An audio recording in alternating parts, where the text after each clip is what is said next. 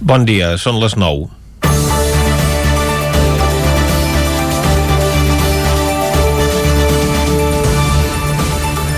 L'incendi d'una nau industrial ocupada per més d'un centenar d'immigrants a Badalona va canviar de convertir-se en una bomba. El tràgic balanç de tres morts fins al moment s'hi ha d'afegir diversos ferits en estat crític. Dels que han hagut de ser atesos, molts van ser conseqüència d'haver-se llançat per la finestra per fugir de les flames en una escena aterridora. La precarietat en què vivien aquestes persones envoltades de cartrons per protegir-se va ser un camp adobat per les flames un cop es va originar el focus, pel que sembla, amb una espelma en què s'il·luminaven que va caure sobre un matalàs. L'abast real de la tragèdia encara s'ha de valorar perquè es desconeix la xifra real de persones que hi podia haver a l'interior de l'edifici, que corre el perill d'esfondrar-se i haurà de ser enderrocat. L'episodi es produeix en l'única gran ciutat on el PP ha aconseguit governar, quan Xavier García Albiol va fer bandera del racisme i la xenofòbia amb aquell eslògan de netejar Badalona que el va portar a l'alcaldia gràcies a l'abstenció de Siu. Després perdria la cadira que fa uns mesos va recuperar quan les esquerres no es van posar d'acord per substituir el socialista Àlex Pastor que en el moment més crític de la pandèmia va ser sorprès saltant-se al confinament i conduint en estat d'embriaguesa fins a acabar agredint els Mossos que el van detenir. Durant tot aquest temps en què Badalona ha tingut alcaldes a tres colors ben diferents, s'havia mantingut l'ocupació d'aquesta nau sense que ni les autoritats locals ni la Generalitat hi haguessin trobat una solució. I això ho aprofita García Albiol, que troba en aquests assentaments el camp adobat per relacionar immigració i delinqüència i donar cobertura al seu discurs. Assentaments que són les noves barraques del segle XXI, conseqüència d'una llei d'estrangeria mal resolta i de la deixadesa de la resta d'administracions implicades que solen acabar derivant en problemes de convivència. I això només pot anar en augment i continua havent dia sí dia també desnonaments de famílies vulnerables en plena crisi sanitària, tot i que la Generalitat ha intentat aprofitar aquesta situació per mirar d'aturar-los amb un decret. Mentrestant, a Badalona i a totes les grans ciutats, continua havent-hi multitud de pisos buits en possessió de grans tenidors. Precisament ahir se celebrava el Dia Internacional dels Drets Humans i episodis com aquests posen de manifest que les resolucions de l'ONU estan molt lluny de complir-se. Això ho sabem molt bé els catalans, però també hi hauríem de posar de la nostra part perquè es compleixin aquelles que tenim al nostre abast. Comencem Territori 17, a la sintonia del 9 FM, Ràdio Cardedeu, la veu de Sant Joan, Ona Codinenca i el 9 TV. Territori 17, amb Vicenç Vigues i Jordi Sunyer.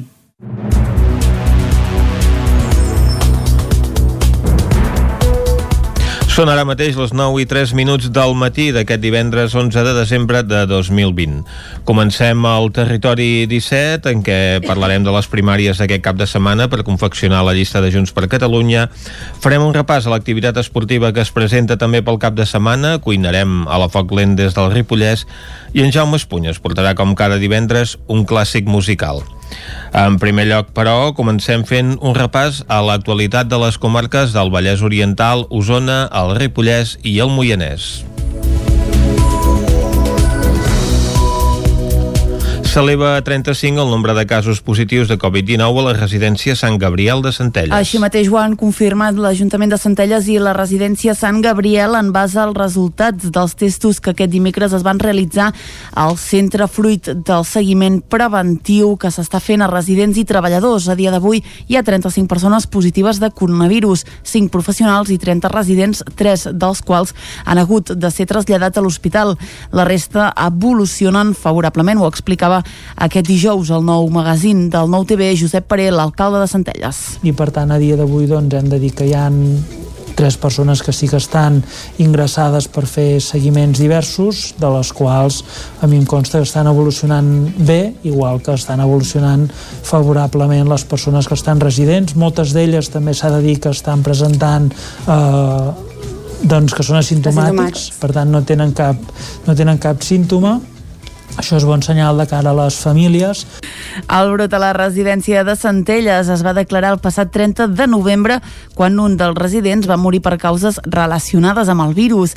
Des de l'esclat del brot, el centre s'ha adaptat a la nova situació, ha reforçat l'equip de professionals i ha mantingut una comunicació constant amb els familiars de les persones que hi resideixen. El brot de la Fundació MAP ja afecta 21 residents, dos dels quals estan hospitalitzats i n'hi ha un de greu. Isaac Muntades, des de la veu de Sant Joan. El brot detectat a la Fundació MAP durant la setmana passada ha empitjorat lleugerament i ja hi ha 21 residents positius per coronavirus dels 43 que viuen a les llars residència, 4 més que en la darrera actualització feta per l'entitat. La responsable de comunicació de la Fundació MAP, Marta Roder, va recordar que al principi d'esclatar el brot tothom era simptomàtic o presentava un quadre lleu, però han arribat a tenir fins a 5 residents ingressats a l'Hospital de Can de Bànol, ja que alguns començaven a tenir un quadre de pneumònia, no s'aturaven bé i necessitaven oxigen. Tres dels residents ja van poder abandonar el centre hospitalari, però encara hi queda una persona en estat greu i que està lluitant per la seva vida. També hi ha 15 persones que estan en situació d'aïllament als pisos de les llars i dues han estat traslladades a la unitat residencial temporal La Floresta de Sant Gregori per tenir més espai als pisos del MAP. Pel que fa als nou professionals contagiats per la malaltia són de les llars residència i també del servei de teràpia ocupacional. Roder també va explicar que divendres de la setmana passada es va fer un cribatge a les 36 persones ateses pel servei de teràpia ocupacional que viuen amb els seus familiars i que podien haver estat en contacte durant l'activitat diurna del MAP. En total es van detectar 6 positius que estan aïllats a casa i que és difícil determinar si pertanyen en el mateix brot. Finalment, en els cribatges periòdics que es fan a la residència Centre Montserrat, es van detectar dos professionals positius, però ningú més n'ha sortit contagiat. Roder també va explicar que se senten totalment recolzats per salut. En aquests moments,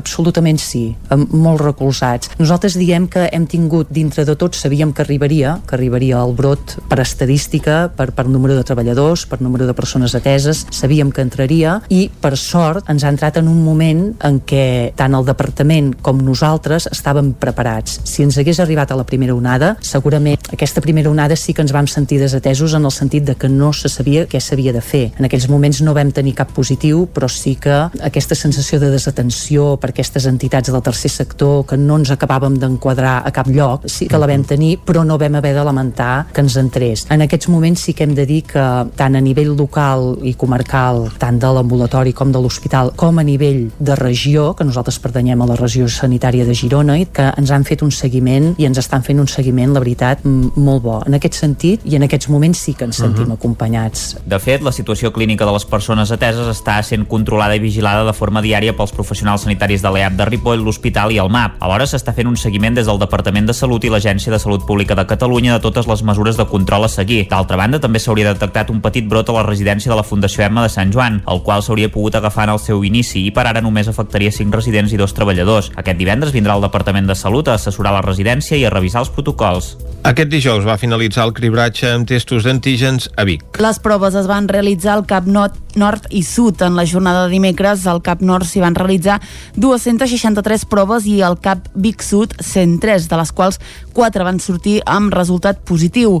Ahir, dels més de 50 testos que es van fer al Cap Sud, cap tenia resultat positiu. La incidència d'aquest cribratge és molt més baixa respecte a les primeres proves que es va fer a la ciutat i on va detectar-se un 4% de positius asimptomàtics. Malgrat aquesta davallada, des del CAP expliquen que esperaven una major afluència de persones per fer-se la prova després de les cues que van tenir en el darrer cribratge el dia 1 i 2 de desembre. Sentim per aquest ordre a Neus Font, directora assistencial de l'equip d'atenció primària de Vic, i a Josep Jordà i Francisco Martínez, dues de les persones de Vic que aquest dijous van acudir a fer-se la prova. Ahir dels 100 testos que vam fer només va sortir un positiu, vull dir que és, és uh, poquet, de fet ja és l'esperable, eh? però és, és així. De moment avui no hem arribat ni a la cinquantena encara, eh? l'estona que portem, de moment no n'hem detectat cap de positiu. És el primer cop que vinc a fer la prova i he passat aquí de casualitat, he anat a comprar, i vist que no hi havia gent i que aprofito, perquè hi havia més gent. Estic bé, però bueno, per assegurar en teoria nosaltres no podíem venir aquí, perquè som, estem apuntats a l'altre ambulatori, però al moment de passar per aquí, vist que no hi havia cua, dic, uita, ara ens aniria bé de poder-ho fer. Aquest dijous també va començar el cribratge de Torelló, que s'allargarà fins aquesta tarda de 3 a 7. Les proves es realitzen a una carpa que s'ha situat al costat del CAP i també es dirigeixen a veïns i veïnes dels altres municipis de la Vall del Gès, com Sant Pere i Sant Vicenç de Torelló. La contractació al Vallès Oriental cau un 7,24% respecte a l'any 2019 a la mateixa època. David Auladell, de Ràdio Televisió, Cardedeu. L'abans de les dades de contractació d'aquest mes de novembre mostra com la xifra de contractes ha disminuït respecte al mes passat. Segons ha precisat l'Observatori Centre d'Estudis del Consell Comarcal, aquest mes s'havien registrat un total d'11.510 contractes, xifra inferior als 11.812 contractes registrats el mes passat i encara més inferior als 12.409 contractes registrats al mes de novembre del 2019. La major part dels municipis de la comarca han experimentat una disminució respecte a l'any anterior. Així, la variació interanual en termes comarcals segueix sent negativa i la caiguda en la contractació se situa en el 7,24%. A Catalunya, el novembre de 2020, s'han formalitzat 194.247 contractes laborals, la qual cosa significa que s'han signat 26.192 contractes menys que l'octubre, xifra que suposa el descens de l'11,9%. Respecte d'un any abans, el descens ha estat del 26%. El 20 de desembre s'inaugurarà el Vic.0, el projecte cultural i turístic de Vic que fins ara es coneixia com a Illa de la Pietat. La primera fase s'ha centrat en la zona més emblemàtica de l'equipament, la Capella Fonda. Durant les festes de Nadal, el nou espai obrirà portes a la ciutat. No serà fins a la primavera quan s'obrirà el turisme. La petjada d'art romà medieval i barroc trobat a la Capella Fonda de la Pietat és ben visible des de la passarel·la que ara travessa l'antic oratori, una obra de l'arquitecte Toni Gironès que clou la primera fase de Vic.0, un equipament cultural i turístic que explica els 2.000 anys d'història de Vic. Ha costat un milió 200.000 euros i s'ha centrat en l'espai més emblemàtic del que fins ara es coneixia com a Illa de la Pietat. El 20 de desembre obrirà portes per convertir-se en un espai obert de moment a la ciutat de Vic. Anna R. és l'alcaldessa de Vic. No només ho fem, eh, evidentment, per fer conèixer la nostra ciutat a fora, que ja sabeu que això és un reclam, perquè sabem que això també eh, fa que la nostra ciutat doncs, es conegui més, que ens vingui més gent de fora, que puguem ser, doncs, a poc a poc, doncs, aquest tipus de turisme cultural que nosaltres volem doncs, ser captivadors, però sobretot també ho volem fer pels propis biguetans i biguetanes. Els grups reduïts que aquestes festes ja podran accedir al nou espai podran gaudir també d'un videomapping que resumeix els 2.000 anys d'història de la ciutat de Vic, des de la creació de la ciutat romana d'Ausa a l'actualitat. Després de festes, l'espai tornarà a tancar portes. No tornarà a obrir fins la primavera. Ara sí, de cara al turisme, Susana Roura és la regidora de Turisme i Cultura de l'Ajuntament de Vic i el que voldrem precisament és que a part de gaudir d'aquest espai que ara, que ara hem vist, també es gaudeixi de la, de la nau de la Pietat i que també es pugui pujar doncs, al, al far de, de Vic una mica que seria la, el campanar de l'església d'aquí la Pietat. A partir del dia 20 a la nau central de la Pietat també s'hi inaugurarà l'exposició Cert en Flames, una mostra que arriba coincidint amb el 75è aniversari de la mort de Josep Maria Cert i que inclou obres cremades de l'artista durant l'incendi de la Catedral de Vic de l'any 1936. A principis d'any arrencarà la segona fase que té un pressupost de 650.000 euros. Troben una granada de mà de la Guerra Civil durant les excavacions arqueològiques del Puig de Calders. Caral Campàs, des d'Ona Codinenca. Durant unes excavacions arqueològiques al Puig de Calders, la setmana passada, els TEDx van haver de traslladar i fer detonar una granada de la Guerra Civil. La campanya d'excavació tenia com a objectiu recuperar les restes d'una antiga masia del segle XV que va ser habitada fins a mitjans del segle XX. L'arqueòleg Eduard Sánchez és el director de les excavacions i alcalde del municipi. A la retirada de la Guerra Civil, els republicans van muntar un campament mm, de retirada d'aquí del Puig. I, bueno, segurament doncs, van deixar algunes restes de, bueno, material obsolet o material que no estava en condicions i el van deixar abandonat i aquí va quedar una granada. Mm, s'ha mirat que hi havia alguna cosa més, però no s'ha trobat res més. I aquesta granada doncs, va quedar en un racó just de fora de l'entrada de la casa. La campanya d'excavació tenia com a objectiu recuperar les restes d'una antiga masia del segle XV que va ser habitada fins a mitjan del segle XX. La campanya s'emmarca en una reforma que pretén adequar l'espai per ser una zona verda i d'esbarjo. El Puig era una zona elevada que amb el creixement del municipi va quedar enganxada al poble. Sánchez donava detalls sobre els treballs que s'han fet aquests dies. Part de, la, de les restes de la casa que està documentada des del segle XV i que va ser utilitzada fins a finals del XIX, començaments del XX, i hem desenrolat tota la part de les tines, que és on té més acumulació de runes fins a dos metres de runa, i, i bé, hi hem posat els cobert les estructures i s'ha pogut una mica documentar una antiga bassa, un pou, un dipòsit, i després a la, a la sala on hi ha les boixes de les tines. La masia del Puig serà restaurada i formarà part d'aquest espai que també comptarà amb una museïtzació que explica la història del lloc i les troballes fetes durant la campanya. Fins aquí aquest repàs a l'actualitat de les comarques del Moianès, el Ripollès, Osona i el Vallès Oriental que us hem ofert de la mà de Clàudia Dinarès, Caral Campàs, Isaac Muntades i David Auladell. Ara el que hem de fer és una ullada al temps.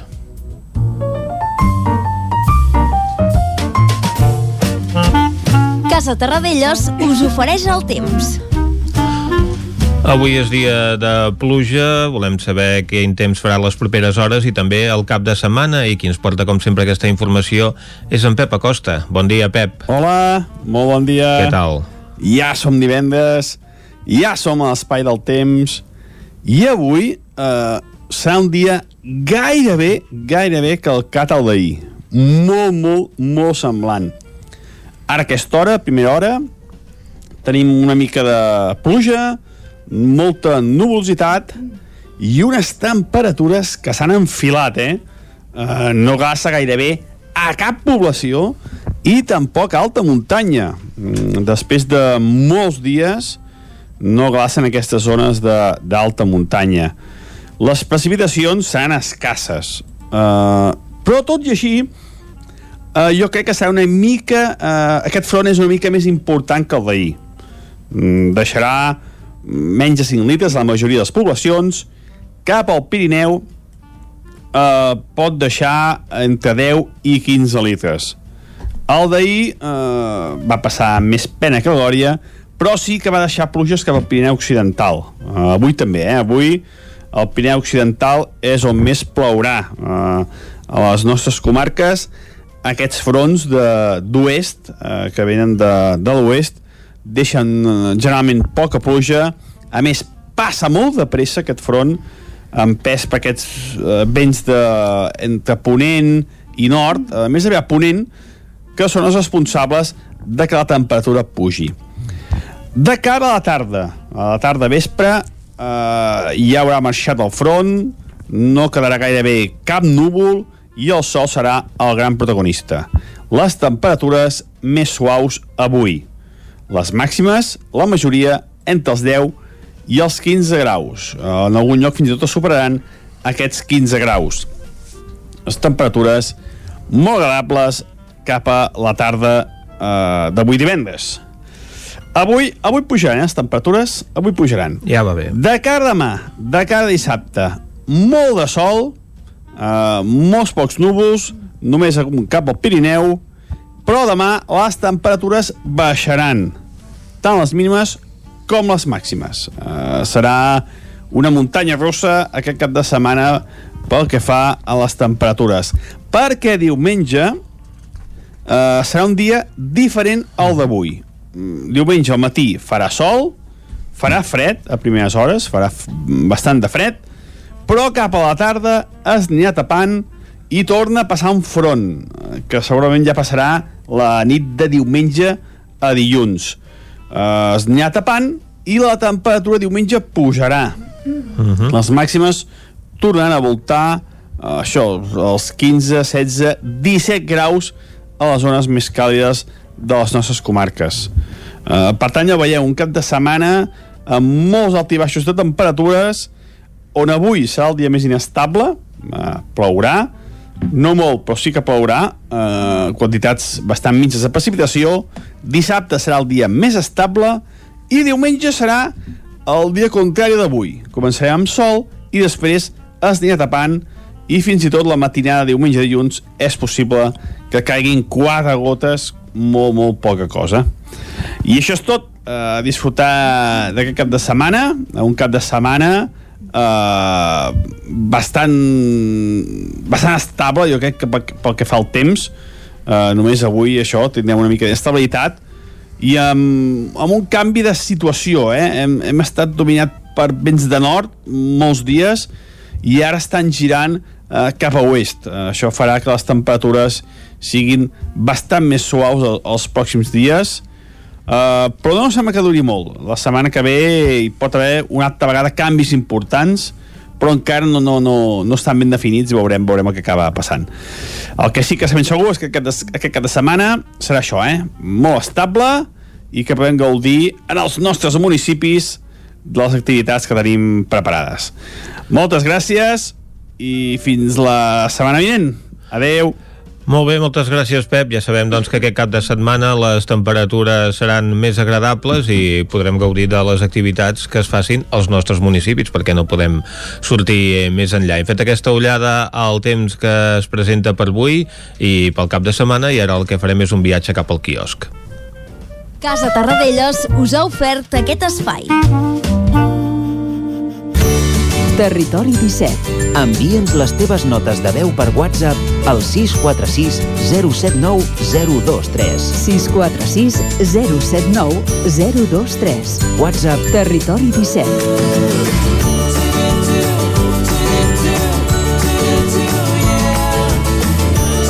Territori 17. Som a Facebook, Twitter i Instagram amb l'usuari Territori 17.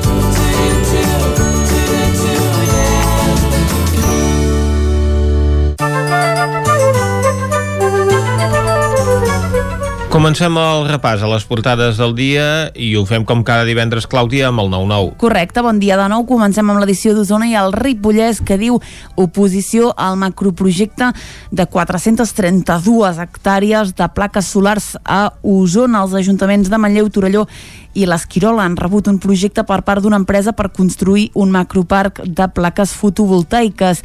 Si s'acabés duent a terme, afectaria una superfície tan, grau, tan gran com tota la zona urbana de Manlleu. Els alcaldes ja han comunicat al Departament de Territori que suposen a la instal·lació per l'impacte ambiental, paisatgístic i sobretot el, sobre el món rural que aquest tindria. Més coses de la portada es dispara el risc de contagi per Covid-19 al Ripollès pels diversos brots en esports. La saga Gilabert, Ariana i Arnau, fills de l'exciclista usonenc, segueixen les passes del seu pare. I Vic inaugurarà el dia 20 l'ambiciós projecte de difusió turística i cultural centrat a la Pietat. Alerta perquè avui també hi ha aquest suplement especial, el nou uh, UBIC UCC, uh, per tant, el trobarem a, a dins del 9-9. A les pàgines interiors, efectivament. Exacte. Anem a l'edició del Vallès Oriental que diu un grup d'inversors ha comprat els 59.000 metres de l'antiga Sati de la Garriga per mantenir-hi indústries. Els nous amos demanen la llicència per enderrocar les naus de l'empresa tèxtil tancada l'any 2000 13. Més coses, expropiacions a 48 finques per fer el tercer carril de la C-17 a Parets i l'exconsellera Chacón que diu el circuit s'ha de despolititzar. El Premi Bellesà de l'any es lliurarà el dijous dia 17 de desembre en una gala telemàtica des de Bellavista. Anem a veure, a veure què treuen en portada els diaris eh, catalans, que em sembla que avui són portades monotemàtiques. Exacte, anem al punt avui que parla de doli i de vergonya. Diu 3 morts i 23 ferits en l'incendi d'una nau industrial ocupada a Badalona. Es desconeix l'origen del foc a l'espai on malvivien més de 100 persones. La nau estava ocupada des de fa més de 10 anys per immigrants sense papers. Una altra de les notícies del dia és que Marín, investigada per tres delictes en el cas del Consell d'Esports de l'Hospitalet. Acusen l'alcaldessa de prevaricació, malversació i omissió del deure de perseguir un delicte. Bèlgica dirà el 7 de gener si extradeix el conseller Lluís Puig i Hongria i Polònia retiren el vet i la Unió Europea dona llum verd al fons d'ajudes anti-Covid. A l'ara acord de la Unió Europea per desbloquejar els fons anti-Covid. Seguim en la mateixa línia. Hongria i Polònia aixequen el seu veto i els primers ajuts i crèdits podran començar a arribar al mes de juny. A la imatge veiem aquesta nau de Badalona amb unes declaracions d'algun dels eh, habitants que diu traieu-nos d'aquí, ens estem cremant. També veiem a Núria Marín, investigada per un cas de corrupció a l'Hospitalet, i diu el clínic transplanta un úter de germana a germana. També és una de les notícies del dia. El periòdico parla d'una trampa mortal, parla d'aquests tres morts, aquests tres ferits crítics, eh, quatre de greus i una desena de lleus a l'incendi de Badalona. La degradació de la nau de Badalona, diu, va multiplicar la força aniquiladora del foc. Els propietaris, dos exjugadors de l'ACB, no van denunciar mai l'ocupació. Ara anem a l'avantguàrdia que diu el Banc Central Europeu assegura el finançament dels estats fins l'any 2022. Trump reconeix la sobirania del Marroc sobre el Sàhara. Badalona diu una tragèdia anunciada i alerta perquè el rei emèrit prepara aquest retorn temporal a Espanya per Nadal. Anem a veure què treuen en portada els diaris de Madrid. Comencem amb el país que diu el Banc Central Europeu amplia els estímuls per la debilitat de l'economia. La Unió Europea desbloqueja un pla de recuperació sense precedents. Veiem aquesta imatge de Badalona, diu la inacció de les institucions després la tragèdia de Badalona. I la llei de l'eutanàsia, i en van parlar, aconsegueix un ampli suport tot i el no del Partit Popular i també de Vox. El Mundo, Joan Carles I, eh, diu als seus amics jo vaig sortir de la Zarzuela i jo vull tornar a la Zarzuela. El rei aspira a passar el Nadal a la seva residència de sempre. A la imatge, però, tornem a veure aquesta nau de Badalona, diu, ens estem cremant vius. El propietari d'aquest edifici diu no va denunciar mai l'ocupació i les autoritats van deixar que això passés. Uh, I vols d'immigrants, diu, amb passaports falsos i infectats per Covid-19. La Policia Nacional detecta a València greus irregularitats en els trasllats des de Canàries.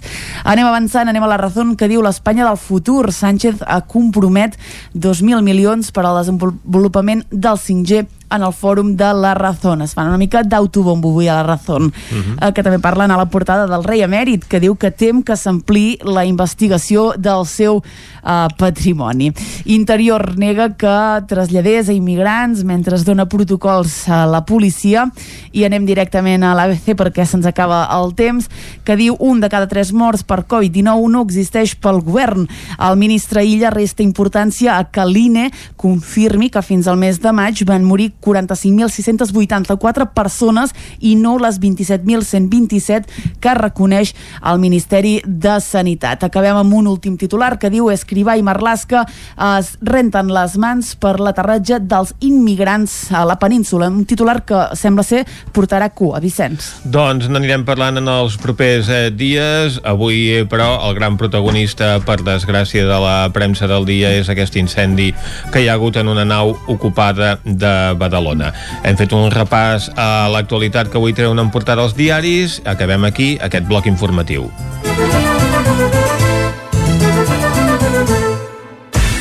El nou FM, la ràdio de casa, al 92.8. Les bones decisions tenen premi. I és que si té una caldera Vaillant, està d'enhorabona. Vaillant li ofereix fins a 15 anys de cobertura total, amb la revisió obligatòria inclosa. Informis a Oficiat Nord trucant al 93 886 0040. Amb el servei tècnic oficial de Vaillant, la seva caldera estarà en les millors mans. Anuncia't al 9FM. La màquina de casa. 9 3 8 8 9 4 9 4 9. Publicitat arroba al 9FM.cat. Anuncia't al 9FM. La publicitat més eficaç. Hi ha una màgia que no té truc. És la màgia de compartir una estona amb algú i parlar-hi. Vols practicar català? Vols ajudar algú a parlar-lo? Apunta't al voluntariat per la llengua. El programa de les parelles lingüístiques a vxl.cat. Perquè quan parles, fas màgia. Generalitat de Catalunya. 100 milions i mig de futurs.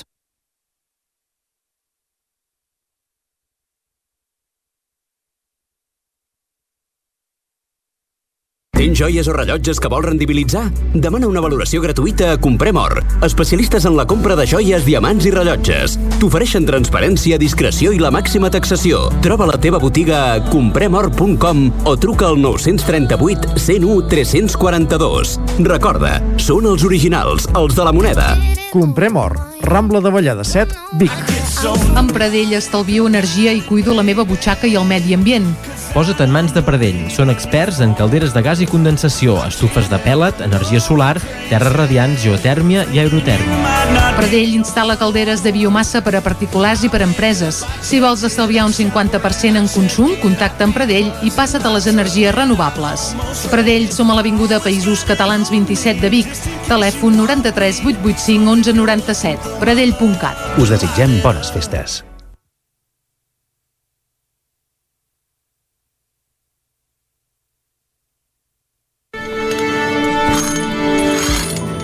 L'Auditori Teatre de Call d'Atenes presenta 36 més 1, amb Maria Pla i Inútils Mots. El 12 de desembre a les 9 del vespre, 36 més 1, a l'Auditori Teatre de Call d'Atenes. A Catalunya, el 30% de les famílies no tindrà una llar digna on celebrar aquestes festes. I més de 280.000 persones ni tan sols podran menjar el dia de Nadal. Cada gest compta. Fes un donatiu a caritascatalunya.cat i fes que Nadal arribi a totes les llars. Bon Nadal, però per a tothom. La ràdio de casa al 92.8. El 9 FM. El 9 FM. El 9 FM. El 9 FM. El 9 FM. Territori 17, amb Vicenç Vigues i Jordi Sunyer. Són dos quarts de deu del matí, això és el Territori 17 a la sintonia del 9 FM, Ràdio Cardedeu, Ona Corinenca i la veu de Sant Joan. I el que farem ara tot seguit és un repàs a l'actualitat de les comarques del Moianès, Osona, el Ripollès i el Vallès Oriental. S'eleva a 35 el nombre de casos positius de Covid-19 a la residència Sant Gabriel de Centelles. Així mateix ho han confirmat l'Ajuntament de Centelles i la residència Sant Gabriel en base als resultats dels testos que aquest dimecres es van realitzar al centre fruit del seguiment preventiu que s'està fent a residents i treballadors. A dia d'avui hi ha 35 persones positives de coronavirus, 5 professionals i 30 residents, 3 dels quals han hagut de ser traslladats a l'hospital. La resta evolucionen favorablement, ho explicava aquest dijous al nou magazín del nou TV Josep Paré, l'alcalde de Centelles. I per tant a dia d'avui doncs, hem de dir que hi han tres persones que sí que estan ingressades per fer seguiments diversos, de les quals a mi em consta que estan evolucionant bé, igual que estan evolucionant favorablement les persones que estan residents. Moltes d'elles també s'ha de dir que estan presentant eh, doncs que són asimptomàtics, per tant no tenen cap, no tenen cap símptoma això és bon senyal de cara a les famílies. El brot a la residència de Centelles es va declarar el passat 30 de novembre quan un dels residents va morir per causes relacionades amb el virus. Des de l'esclat del brot, el centre s'ha adaptat a la nova situació, ha reforçat l'equip de professionals i ha mantingut una comunicació constant amb els familiars de les persones que hi resideixen. El brot de la Fundació MAP ja afecta 21 residents, dos dels quals estan hospitalitzats i n'hi ha un de greu. Isaac Muntades, des de la veu de Sant Joan. El brot detectat a la Fundació MAP durant la setmana passada ha empitjorat lleugerament i ja hi ha 21 residents positius per coronavirus dels 43 que viuen a les llars residència, 4 més que en la darrera actualització feta per l'entitat. La responsable de comunicació de la Fundació MAP, Marta Roder, va recordar que al principi d'esclatar el brot tothom era simptomàtic o presentava un quadre lleu, però han arribat a tenir fins a 5 residents ingressats a l'Hospital de Can de Bànol. Ja que alguns començaven a tenir un quadre de pneumònia, no s'aturaven bé i necessitaven oxigen. Tres dels residents ja van poder abandonar el centre hospitalari, però encara hi queda una persona en estat greu i que està lluitant per la seva vida. També hi ha 15 persones que estan en situació d'aïllament als pisos de les llars i dues han estat traslladades a la unitat residencial temporal La Floresta de Sant Gregori per tenir més espai als pisos del MAP. Pel que fa als nou professionals contagiats per la malaltia són de les llars residència i també del servei de teràpia ocupacional. Roder també va explicar que divendres de la setmana passada es va fer un cribatge a les 36 persones ateses pel servei de teràpia ocupacional que viuen amb els seus familiars i que podien haver estat en contacte durant l'activitat diurna del MAP. En total es van detectar 6 positius que estan aïllats a casa i que és difícil determinar si pertanyen al mateix brot. Finalment, en els cribatges periòdics que es fan a la residència Centre Montserrat, es van detectar dos professionals positius, però ningú més n'ha sortit contagiat. Roder també va explicar que se senten totalment recolzats per salut. En aquests moments, absolutament sí, molt recolzats. Nosaltres diem que hem tingut, dintre de tot, sabíem que arribaria, que arribaria el brot per estadística, per, per número de treballadors, per número de persones ateses, sabíem que entraria i, per sort, ens ha entrat en un moment en què tant el departament com nosaltres estàvem preparats. Si ens hagués arribat a la primera onada, segurament aquesta primera onada sí que ens vam sentir desatesos en el sentit de que no se sabia què s'havia de fer. En aquells moments no vam tenir cap positiu, però sí que aquesta sensació de desatenció per aquestes entitats del tercer sector que no ens acabàvem d'enquadrar a cap lloc, sí que la vam tenir, però no vam haver de lamentar que ens entrés. En aquests moments sí que hem de dir que tant a nivell local i comarcal, tant de l'ambulatori com de l'hospital, com a nivell de regió, que nosaltres pertanyem a la regió sanitària de Girona, i que ens han fet un seguiment i ens estan fent un seguiment, la veritat, molt bo. En aquest sentit, i en aquests moments sí que ens sentim uh -huh. acompanyats. De fet, la situació clínica de les persones ateses està sent controlada i vigilada de forma diària pels professionals sanitaris de l'EAP de Ripoll, l'Hospital i el MAP. Alhora s'està fent un seguiment des del Departament de Salut i l'Agència de Salut Pública de Catalunya de totes les mesures de control a seguir. D'altra banda, també s'hauria detectat un petit brot a la residència de la Fundació Emma de Sant Joan, el qual s'hauria pogut agafar en el seu inici i per ara només afectaria 5 residents i dos treballadors. Aquest divendres vindrà el Departament de Salut a assessorar la residència i a revisar els protocols. Aquest dijous va finalitzar el cribratge amb testos d'antígens a Vic. Les proves es van realitzar al Cap Nord, Nord i Sud. En la jornada de dimecres al Cap Nord s'hi van realitzar 263 proves i al Cap Vic Sud 103, de les quals 4 van sortir amb resultat positiu. Ahir, dels més de 50 testos que es van fer al Cap Sud, cap tenia resultat positiu. La incidència d'aquest cribratge és molt més baixa respecte a les primeres proves que es va fer a la ciutat i on va detectar-se un 4% de positius asimptomàtics. Malgrat aquesta davallada, des del CAP expliquen que esperaven una major afluència de persones per fer-se la prova després de les cues que van tenir en el darrer cribratge el dia 1 i 2 de desembre. Sentim per aquest ordre a Neus Font, directora assistencial de l'equip d'atenció primària de Vic, i a Josep Jordà i Francisco Martínez, dues de les persones de Vic que aquest dijous van acudir a fer-se la prova. Ahir dels 100 testos que vam fer només va sortir un positiu, vull dir que és, és uh, poquet, de fet ja és l'esperable, eh? però és, és així. De moment avui no m'ha arribat ni a la cinquantena encara, eh? l'estona que portem. De moment n'hem detectat cap de positiu. És el primer cop que vinc a fer la prova i he passat aquí de casualitat, he anat a comprar i vist que no hi havia gent i que aprofito, perquè hi havia més gent. Estic bé, però bueno, bueno per assegurar. En teoria, nosaltres no podíem venir aquí, perquè som, estem apuntats a l'altre ambulatori, però al moment de passar per aquí, vist que no hi havia cua, dic, ui, tant, ens aniria bé de poder-ho fer. Aquest dijous també va començar el cribratge de Torelló que s'allargarà fins aquesta tarda de 3 a 7. Les proves es realitzen a una carpa que s'ha situat al costat del CAP i també es dirigeixen a veïns i veïnes dels altres municipis de la Vall del Gès com Sant Pere i Sant Vicenç de Torelló. La contractació al Vallès Oriental cau un 7,24% respecte a l'any 2019 a la mateixa època. David Auladell, de Ràdio Televisió, Cardedeu. L'abans de les dades de contractació d'aquest mes de novembre mostra com la xifra de contractes ha disminuït respecte al mes passat.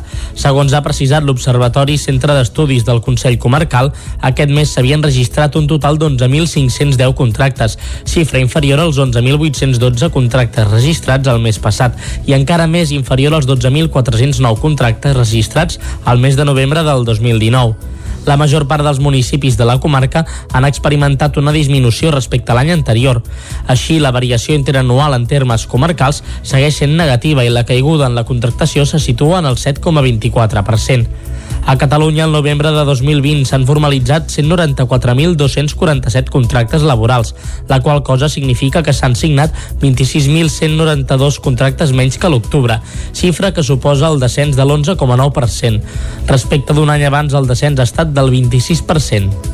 El 20 de desembre s'inaugurarà el Vic.0, el projecte cultural i turístic de Vic que fins ara es coneixia com a Illa de la Pietat. La primera fase s'ha centrat en la zona més emblemàtica de l'equipament, la Capella Fonda. Durant les festes de Nadal, el nou espai obrirà portes a la ciutat. No serà fins a la primavera quan s'obrirà el turisme. La petjada de romà medieval i barroc trobat a la Capella Fonda de la Pietat és ben visible des de la passarel·la que ara travessa l'antic oratori, una obra de l'arquitecte Toni Gironès que clou la primera fase de Vic.0, un equipament cultural i turístic que explica els 2.000 anys d'història de Vic. Ha costat 1.200.000 euros i s'ha centrat en l'espai més emblemàtic del que fins ara es coneixia com a Illa de la Pietat. El 20 de desembre obrirà portes per convertir-se en un espai obert de moment a la ciutat de Vic. Anna R. és l'alcaldessa de Vic. No només ho fem, eh, evidentment, per fer conèixer la nostra ciutat a fora, que ja sabeu que això és un reclam, perquè sabem que això també eh, fa que la nostra ciutat doncs, es conegui més, que ens vingui més gent de fora, que puguem ser, doncs, a poc a poc, doncs, aquest tipus de turisme cultural que nosaltres volem doncs, ser captivadors, però sobretot també ho volem fer pels propis biguetans i biguetanes. Els grups reduïts que aquestes festes ja podran accedir al nou espai podran gaudir també d'un videomapping que resumeix els 2.000 anys d'història de la ciutat de Vic, des de la creació de la ciutat romana d'Ausa a l'actualitat. Després de festes, l'espai tornarà a tancar portes, no tornarà a obrir fins la primavera, ara sí, de cara al turisme. Susana Roura és la regidora de Turisme i Cultura de l'Ajuntament de Vic i el que voldrem precisament és que a part de gaudir d'aquest espai que ara, que ara hem vist, també es gaudeixi de la, de la nau de la Pietat i que també es pugui pujar doncs, al, al far de, de Vic una mica que seria la, el campanar de l'església d'aquí la Pietat. A partir del dia 20 a la nau central de la Pietat també s'hi inaugurarà l'exposició Cert en Flames, una mostra que arriba coincidint amb el 75è aniversari de la mort de Josep Maria Cert i que inclou obres cremades de l'artista durant l'incendi de la Catedral de Vic de l'any 1936. A principis d'any arrencarà la segona fase que té un pressupost de 650.000 euros. Troben una granada de mà de la Guerra Civil durant les excavacions arqueològiques del Puig de Calders. Caral Campàs, des d'Ona Codinenca. Durant unes excavacions arqueològiques al Puig de Calders, la setmana passada els TEDx van haver de traslladar i fer detonar una granada de la Guerra Civil. La campanya d'excavació tenia com a objectiu recuperar les restes d'una antiga masia del segle XV que va ser habitada fins a mitjans del segle XX. L'arqueòleg Eduard Sánchez és el director de les excavacions i alcalde del municipi. A la retirada de la Guerra Civil, els republicans van muntar un campament mm, de retirada d'aquí del Puig. I, bueno, segurament doncs, van deixar algunes restes de cosa, bueno, material obsolet o material que no estava en condicions i el van deixar abandonat i aquí va quedar una granada. S'ha mirat que hi havia alguna cosa més, però no s'ha trobat res més. I aquesta granada doncs, va quedar en un racó just de fora de l'entrada de la casa. La campanya d'excavació tenia com a objectiu recuperar les restes d'una antiga masia del segle XV que va ser habitada fins a mitjan del segle XX. La campanya s'emmarca en una reforma que pretén adequar l'espai per ser una zona verda i d'esbarjo. El Puig era una zona elevada que amb el creixement del municipi va quedar enganxada al poble. Sánchez donava detalls sobre els treballs que s'han fet aquests dies. Part de, la, de les restes de la casa que està documentada des del segle XV i que va ser utilitzada fins a finals del XIX, començaments del XX, i hem desenrolat tota la part de les tines, que és on té més acumulació de runes fins a dos metres de runa, i, i bé, hi hem posat els coberts les estructures i s'ha pogut una mica documentar una antiga bassa, un pou, un dipòsit, i després a la, a la sala on hi ha les boixes de les tines. La masia del Puig serà restaurada i formarà part d'aquest espai que també comptarà amb una museïtzació que explica la història del lloc i les troballes fetes durant la campanya. Fins aquí aquest repàs a l'actualitat de les comarques del Moianès, el Ripollès, Osona i el Vallès Oriental que us hem ofert de la mà de Clàudia Dinarès, Caral Campàs, Isaac Muntades i David Auladell. Ara el que hem de fer és una ullada al temps.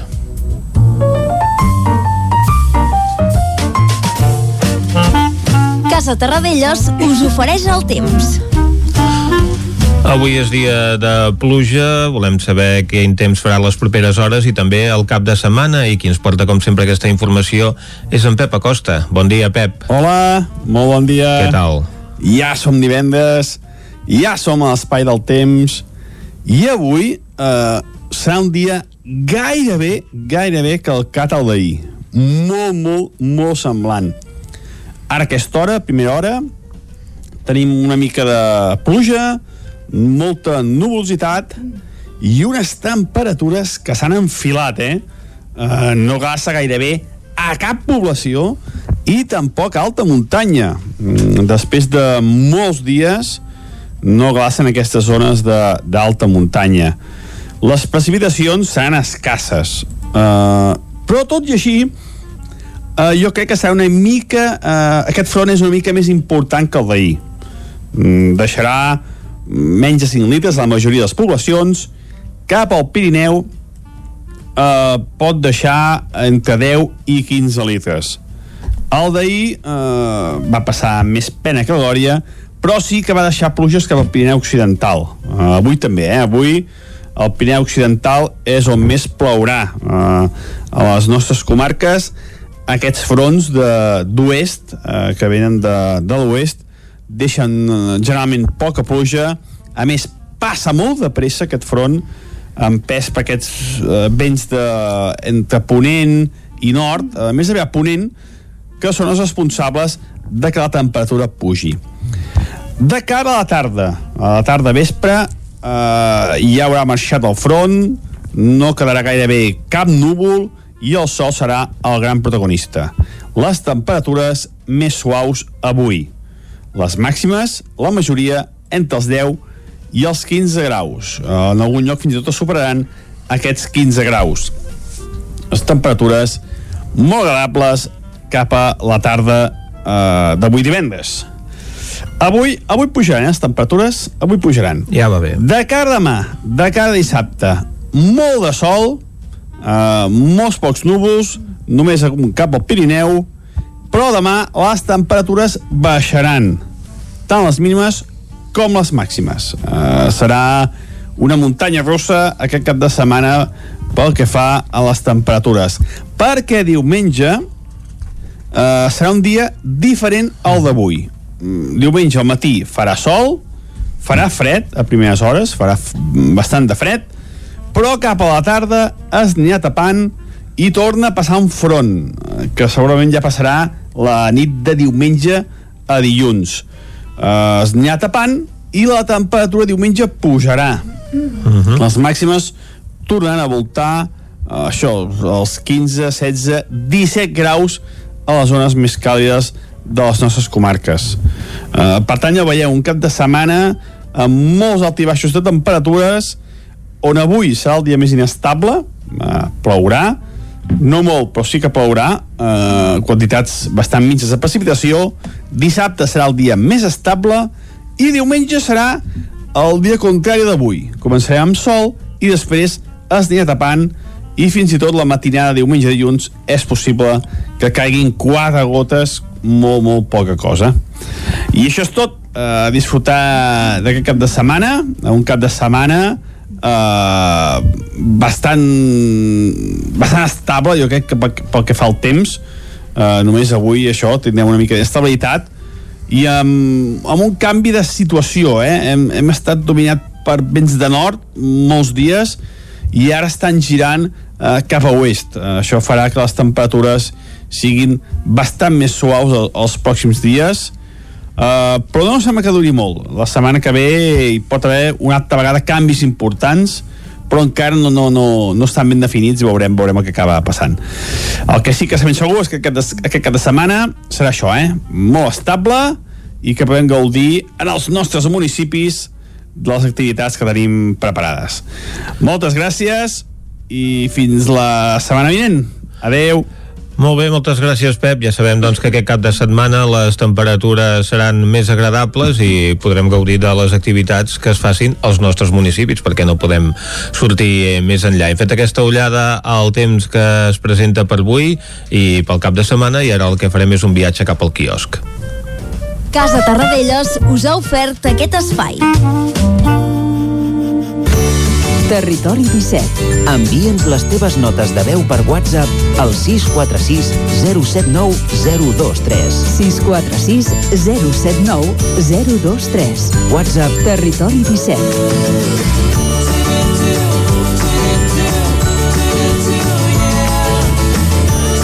Territori 17. Som a Facebook, Twitter i Instagram amb l'usuari Territori 17.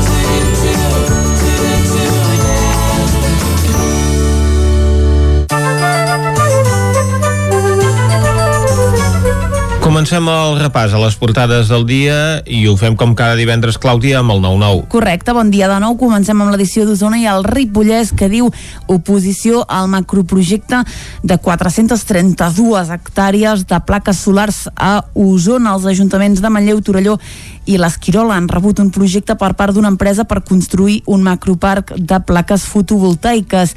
Si s'acabés duent a terme, afectaria una superfície tan, grau, tan gran com tota la zona urbana de Manlleu. Els alcaldes ja han comunicat al Departament de Territori que suposen a la instal·lació per l'impacte ambiental, paisatgístic i sobretot el, sobre el món rural que aquest tindria. Més coses de la portada, es dispara el risc de contagi per Covid-19 al Ripollès pels diversos brots en esports. La saga Gilabert, Ariadna i Arnau, fills de l'exciclista usonenc, segueixen les passes del seu pare.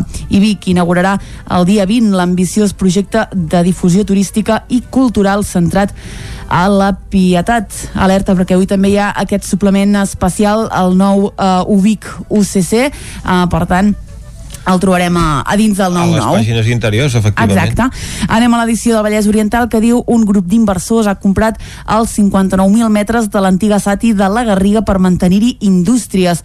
Els nous amos demanen la llicència per enderrocar les naus de l'empresa tèxtil tancada l'any 2000 13.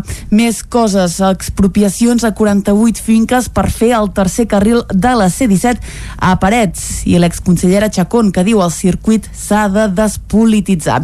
El Premi Bellesà de l'any es lliurarà el dijous, dia 17 de desembre, en una gala telemàtica des de Bellavista.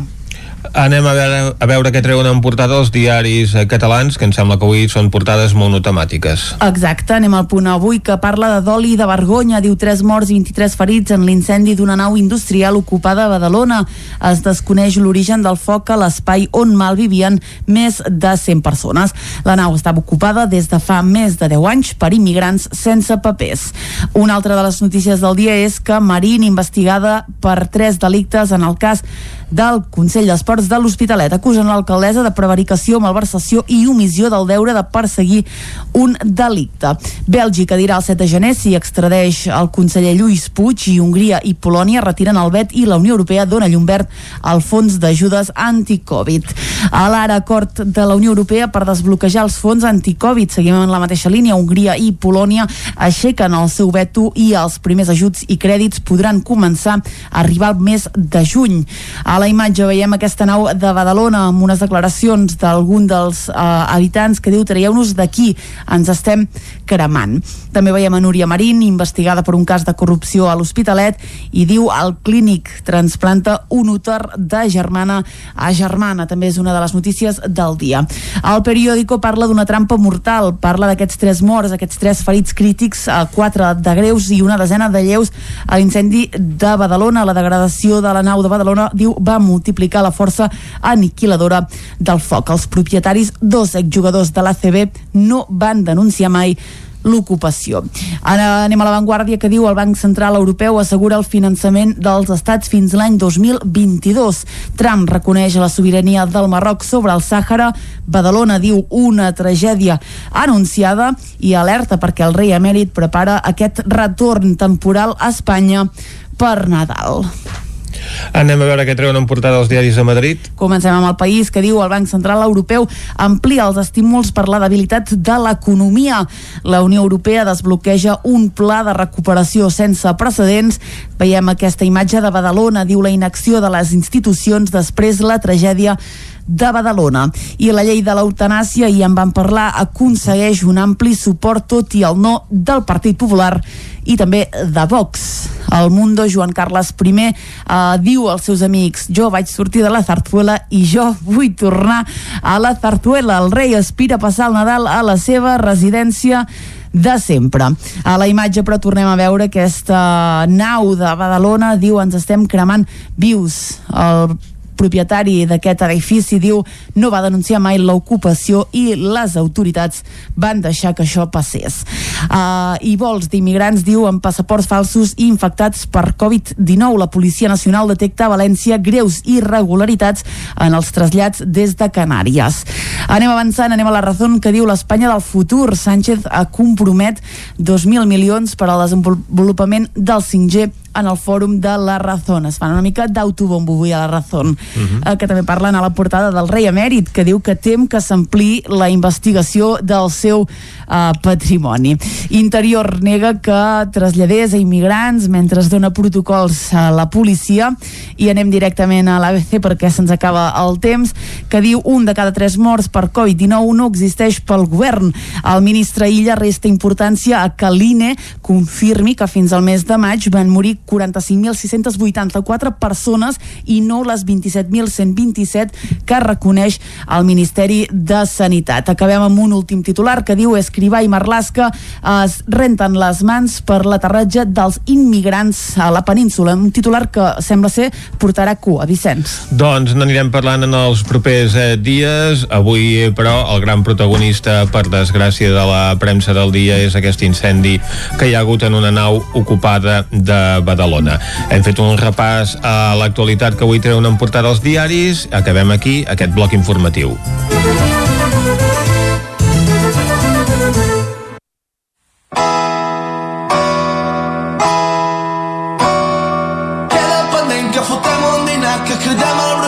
tothom ha pagat. Queda pendent que ens ho passem molt bé, que no ens falti de res, que juguem a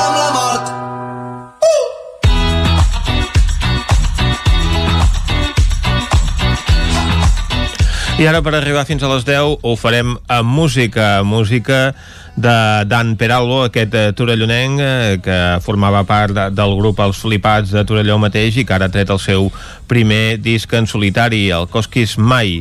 I escoltem ara mateix un d'aquests temes d'aquest disc, un tema que es diu Queda pendent. És una cançó que va fer durant el confinament sobre les coses que ens queden pendents eh, de fer. Escoltem aquest tema de Dan Peralbo, queda pendent, i després intentarem poder-ne recuperar algun altre d'aquest seu primer disc en solitari, Cosquis Mai.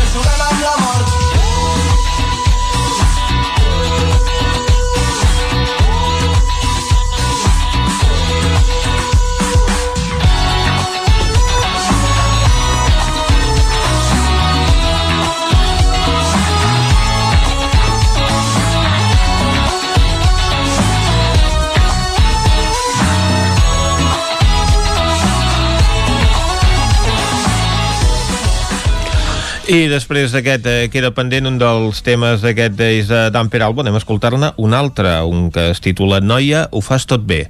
I amb ell arribarem fins a les 10 del matí.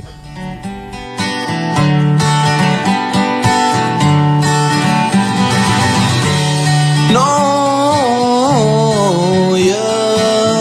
ho fas tot bé, ets tan perfecte, tu saps que tens, que ningú té, i això t'excita un pilot.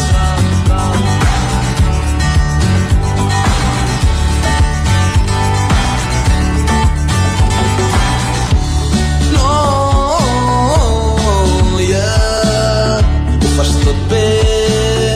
és tan perfecte, tu saps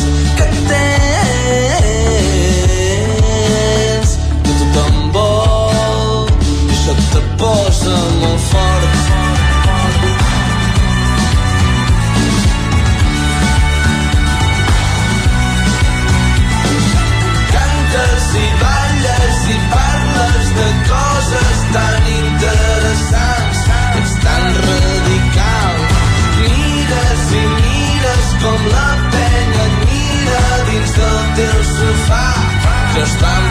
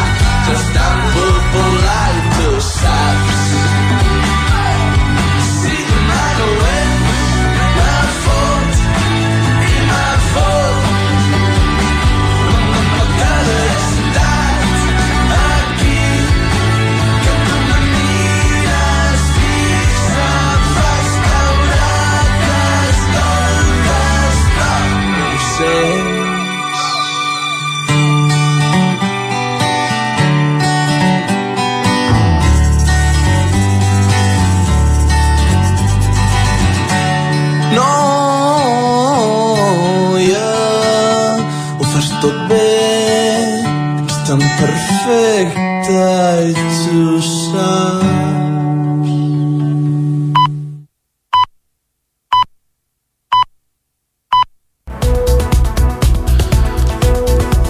Fem un repàs ara a l'actualitat de les comarques d'Osona, el Ripollès, el Moianès i el Vallès Oriental. La CUP de Caldes de Montbui difon una campanya per mostrar el seu descontentament envers la partida de pressupostos aprovada destinada a reformar la plaça Catalunya. Caral Campàs, des d'Ona Codinenca. L'últim ple municipal de Caldes va aprovar inicialment els pressupostos de l'any vinent. Una de les partides, concretament la de gairebé un milió d'euros que es destinarà a remodelar la plaça Catalunya, és el centre de la crítica que han iniciat a través de les xarxes socials el grup de la CUP de Caldes. Un descontentament que ja havien mostrat inicialment durant el ple municipal.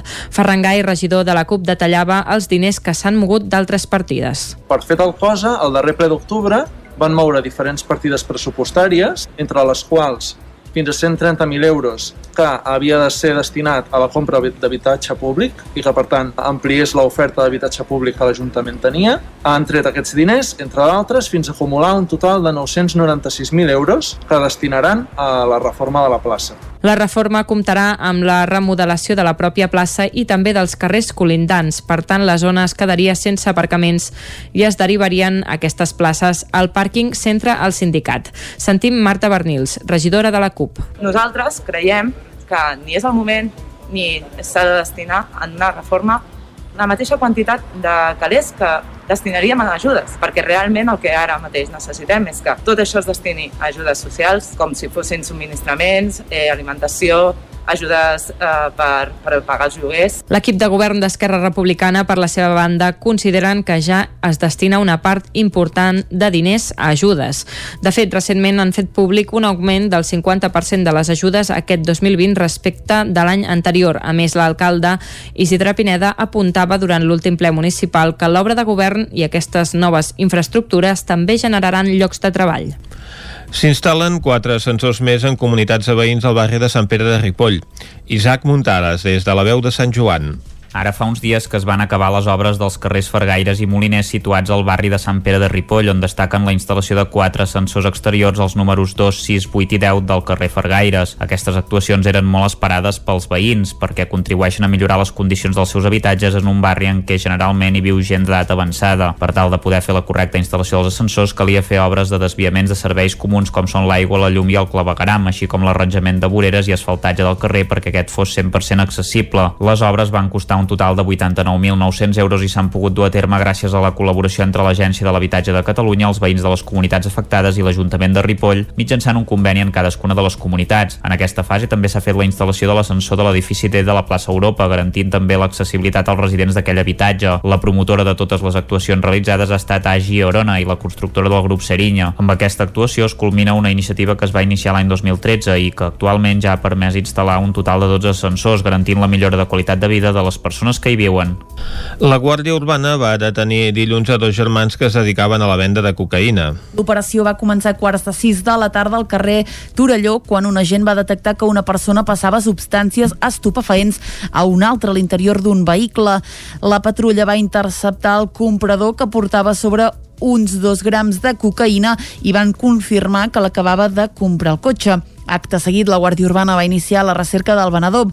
El van acabar detenint a tres quarts de set de la tarda.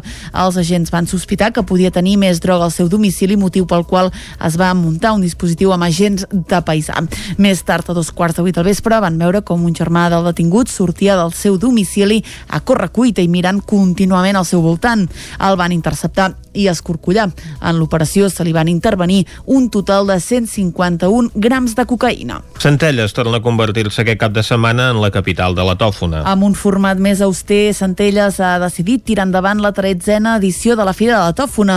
Per complir amb les mesures i els protocols establerts arran de la pandèmia, la Fira d'enguany compaginarà els actes presencials amb els telemàtics. Demà dissabte durant tot el dia i diumenge al matí, la plaça Major collirà el mercat de la Tòfona, l'espai de venda de tòfona i productes trufats. El casal Francesc Macià serà l'escenari on demà a la tarda hi tindrà lloc el taller de perles Perdre la por a la tòfona, que anirà a càrrec de Fina Vila i el cuiner Cesc Molera, amb Toni Carrasco, fotoperiodista Santallec, com a moderador.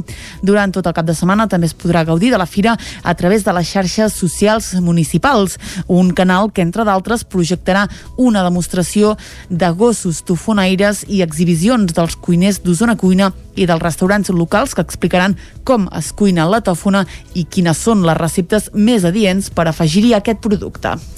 El Museu de la Torneria de Torelló torna a reprogramar aquest mes de desembre l'espectacle Torneria Jan, una producció teatral i musical que fa un recorregut per l'exposició permanent.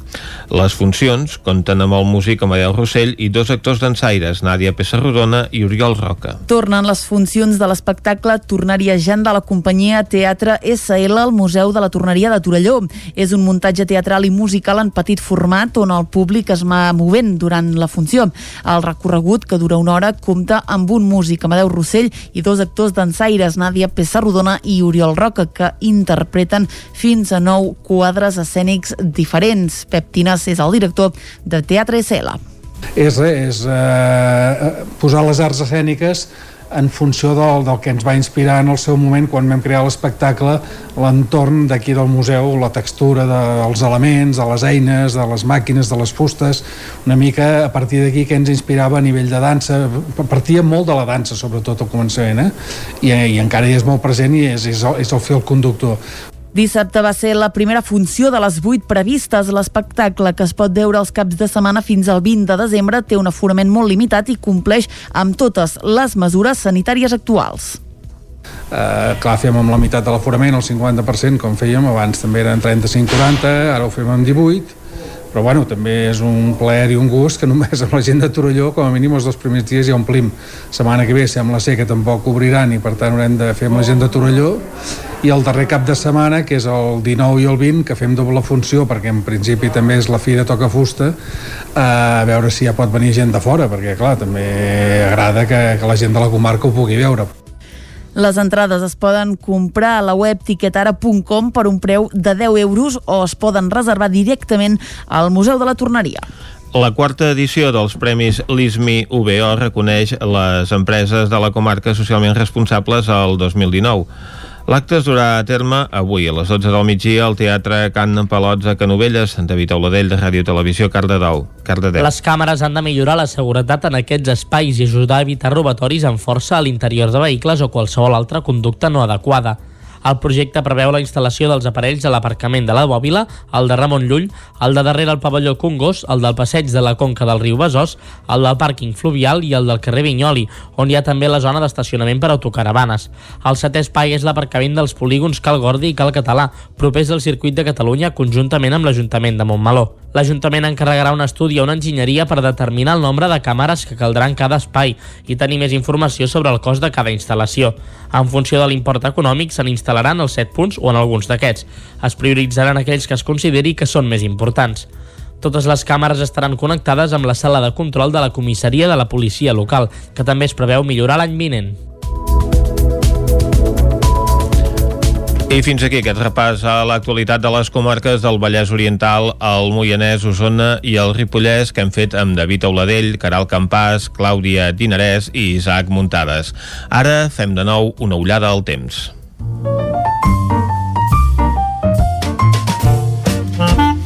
Casa Terradellos us ofereix el temps. I com sempre aquí ens porta el temps és en Pep Acosta. Bon dia, Pep, de nou.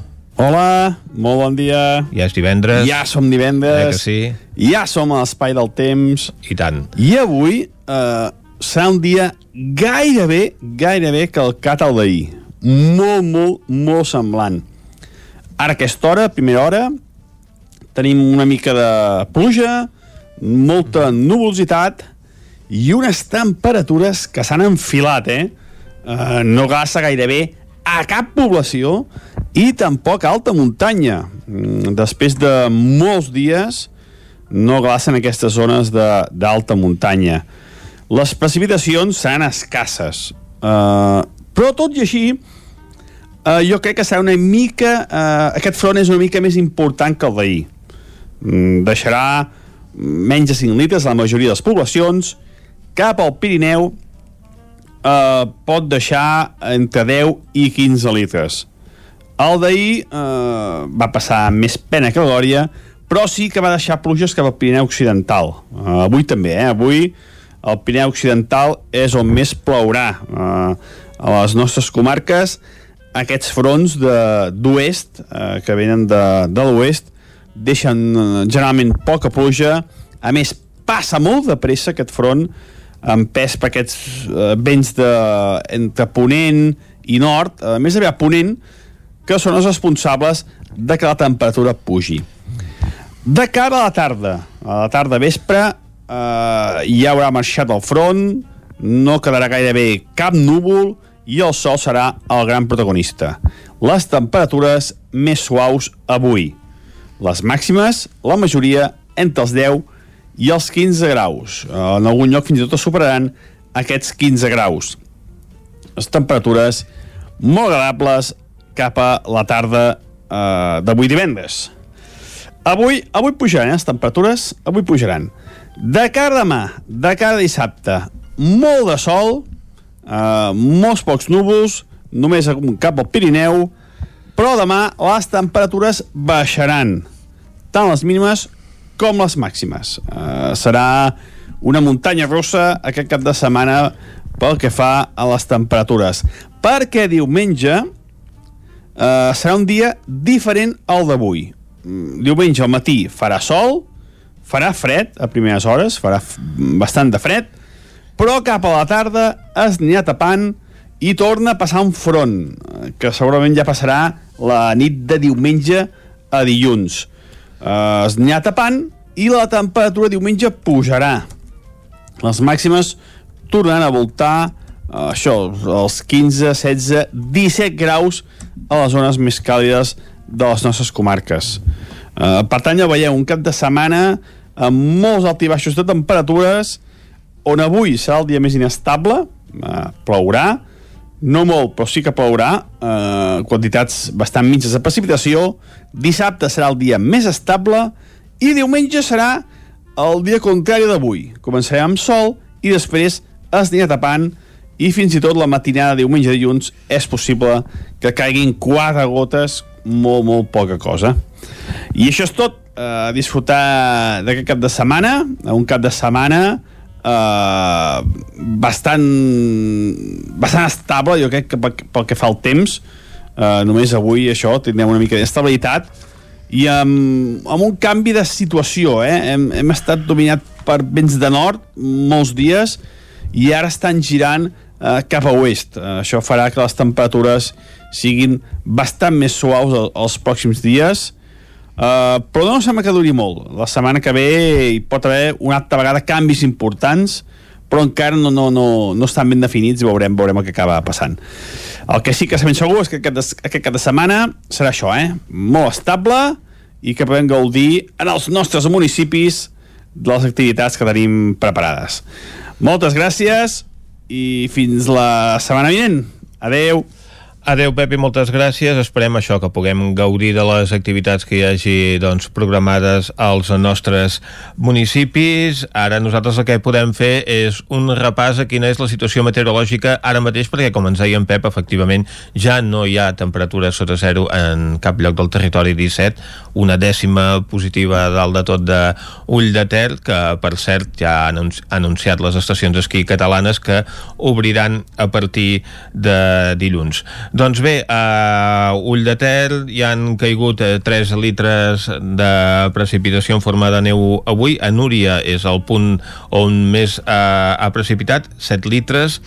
Monistrol de Calders 2 litres, Caralps o Sant Boi de Lluçanès 1,8, al voltant d'un litre i mig a zones com Collsospina, Muntanyola, Olós, Parets del Vallès o al Puigagordi, a Osona i a la resta del territori doncs ha plogut al voltant d'un litre o encara menys. Per tant, igual que ahir, poca precipitació avui, hem fet aquest repàs de l'actualitat meteorològica i ara el que farem d'aquí uns moments al territori 17 és un repàs de quina és la situació que es presenta en l'àmbit esportiu pel cap de setmana. Casa Tarradellas us ha ofert aquest espai. Territori 17. Envia'ns les teves notes de veu per WhatsApp al 646 079 023. 646 079 023. WhatsApp Territori 17.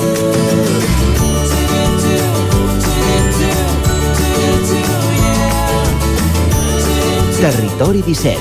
Som a Facebook, Twitter i Instagram amb l'usuari Territori 17.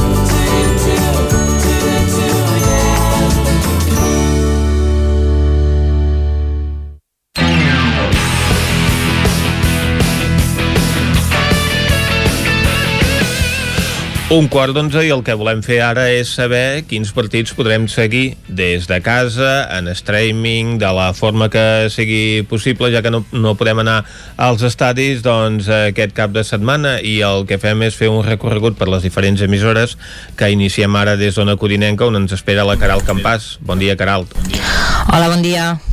Explica'ns eh, quins són els partits que tenim més destacats a cara a aquest cap de setmana. Doncs mira, pel que fa a l'hoquei, el rec amb les Arcaldes, eh, després de recuperar eh, el, el ritme dins la competició jugant contra el Taradell entre setmana en aquest partit recuperat que va guanyar per eh, 3 a 5, s'enfronta amb el Caldes de Montbui uh -huh. a, al Lloret aquest dissabte i comentar-vos que Cristian Rodríguez, el número 9 del rec amb les Arcaldes, serà baixa al partit de, de dissabte perquè uh -huh. es va lesionar en el darrer partit contra el Taradell i les proves realitzades. Eh, just ahir mostren que pateix una lesió a l'adductor llarg de la cama esquerra, per tant eh, Rodríguez serà baixa per disputar aquesta dotzena jornada de l'hoquei a Lliga. I per altra banda tenim el Sant Feliu de Codines que disputa contra el Burguillos Extremadura eh, demà a les 8 del vespre. Recordem que Alcaldes ve d'empatar a 5 eh, contra l'Alpicat i també d'un empat a 3 la jornada anterior contra l'Espanyol. Veurem com va aquest partit.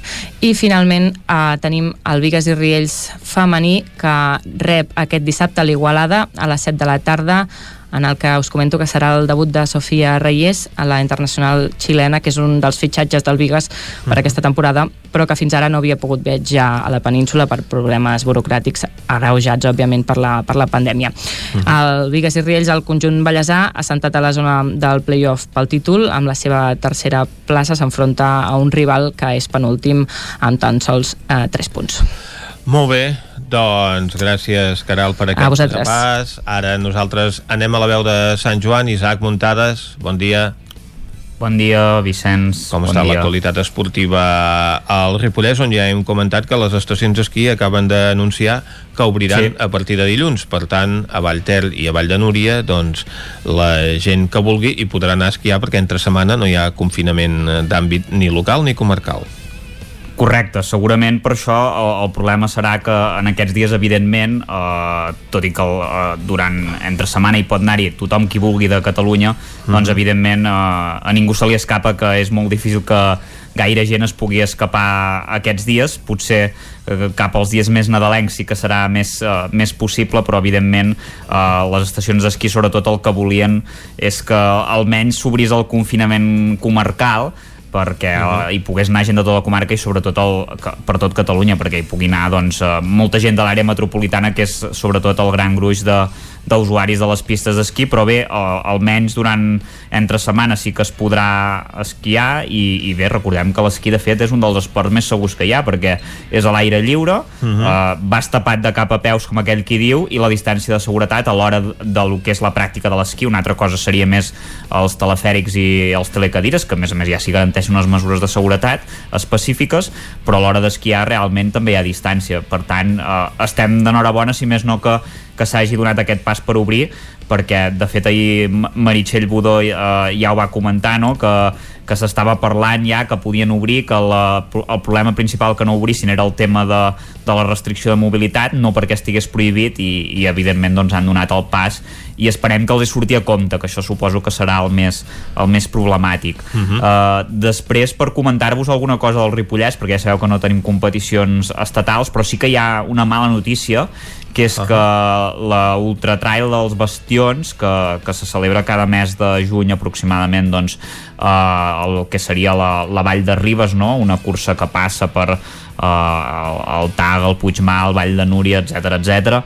doncs eh, va anunciar que, que es deixava de fer, que, que en principi l'any que ve, el 2021, no hi haurà cursa perquè no és viable i que anunciaven que això els aboca a desaparèixer definitivament en el comunicat que van fer. Per tant, doncs una molt mala notícia perquè si fa uns anys ja es va perdre la, la Emona aquí uh -huh. a, a Sant Joan de les Abadeses, doncs ara eh, es perd l'altre gran ultra que teníem al Ripollès. Eh, hi havia molta massificació de curses aquests darrers anys a, a la comarca, aquesta era una cursa que era molt complicada d'organitzar perquè movia molta gent eh, els circuits eren, eren més llargs necessitàvem molts més voluntaris i evidentment eh, tot i que també ho portés una empresa doncs no, no, no és viable i van anunciar això i, i la bona notícia entre cometes, perquè també sap greu que l'any del centenari el Club Futbol Ripoll no l'hagi pogut celebrar tan bé, però almenys eh, tindrà el consol de que serà premiat a la Festa de l'Esport Català. Sabeu que els clubs centenaris doncs, eh, són premiats cada any. Mm. i, i bé, eh, això la, la gala encara queda, eh, però ja es va anunciar que seran premiats i es, serà el proper 9 de febrer aquesta gala i rebran el premi com per exemple ja va rebre també la Unió Esportiva Can de Bànol eh, l'any passat que també va fer, va fer 100 anys. Uh -huh. Molt bé, doncs eh, gràcies Isaac des de la veu de Sant Joan per aquest repàs esportiu de l'actualitat ripollesa. Anem ara a Ràdio Cardedeu on ens espera l'Òscar Muñoz. Bon dia Òscar Bon dia. Doncs explica'ns, Òscar, quins partits eh, podem veure al Vallès aquest cap de setmana, quins són els partits que es poden jugar, uh Mhm. -huh. com està la situació esportiva? Primer de tot porto un partit que es va jugar, que va jugar el Franqui Balmano Grallers, que recordem que uh -huh. he jugat cada tres, cada tres dies, i, uh -huh. bon, cinquena derrota del Franking, que va perdre dimarts a la pista del Logroño per 30 a 25, el, el conjunt granollerí va topar amb la defensa local que va ser un mur durant tot el partit. O sigui que l'equip de Logroño amb el primer, amb el primer quart d'hora del partit, amb una molt millor defensa i aturada, amb nou, nou aturades del porter, Ragnell, eh, va fer que no hi hagués molt a fer. Uh -huh. Doncs això que dèiem, és la cinquena derrota del Baló Manollers, que ocupa el de, desè lloc, amb 14 punts, encara amb, pendits, per, amb pendents. I divendres jugarà, o sigui, avui mateix, jugarà Sí. contra el Vidassó Irún aquí al Palau d'Esports a les 7 de la tarda. Al futbol, el Granollers jugarà a casa del Sant Andreu diumenge a les 12. El Granollers van quarts a dos punts del tercer, que és aquest, el Sant Andreu, amb això, a dos punts que estan. Mm. I per acabar tenim, tenim tres atletes del Club Atletisme Granollers, que són la Marta Molis, l'Anna Comet i el Jan Margarit, que són tres atletes que estan convocats per la selecció de Catalunya, de Catalunya per disputar el Campionat d'Espanya de Mhm. Federacions Autonòmiques del Trail Running, Uh -huh. que es celebrarà diumenge a la localitat ibisenca, que seran 21 quilòmetres per la muntanya i amb 782 metres de desnivell acumulat. O sigui, molta sort per aquests tres atletes granollers. Ah, Exacte, desitgem molta sort a aquests eh, tres atletes, dues d'elles, les dues dones, precisament doncs, de la comarca Mhm. d'Osona i que competeixen pel Club Atlètic Granollers. Això és tot, Òscar?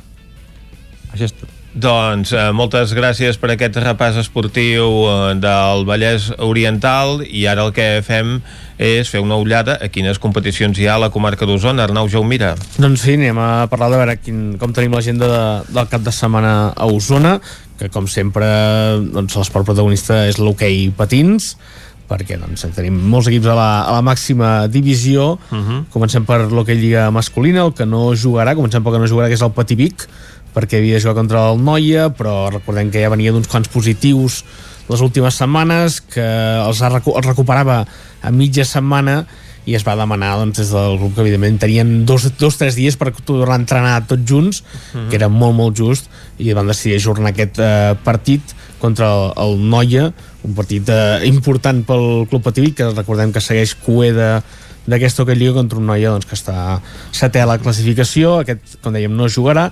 Els que sí que ho faran doncs, eh, serà el Lleida Voltregà eh, que doncs, el, és un partit interessantíssim perquè el Voltregà està sisè a la classificació amb 14 punts i el Lleida està quart amb 23, el Voltregà recordem que té encara doncs, eh, tres partits menys que no pas el conjunt lleidatà, per tant eh, el Voltregà amb opcions amb aquest partit és un rival directe directament perquè doncs, amb aquests partits endarrerits si el Voltregà els guanyés tenia opcions de situar-se doncs, a més o menys a aquesta, a aquesta altura.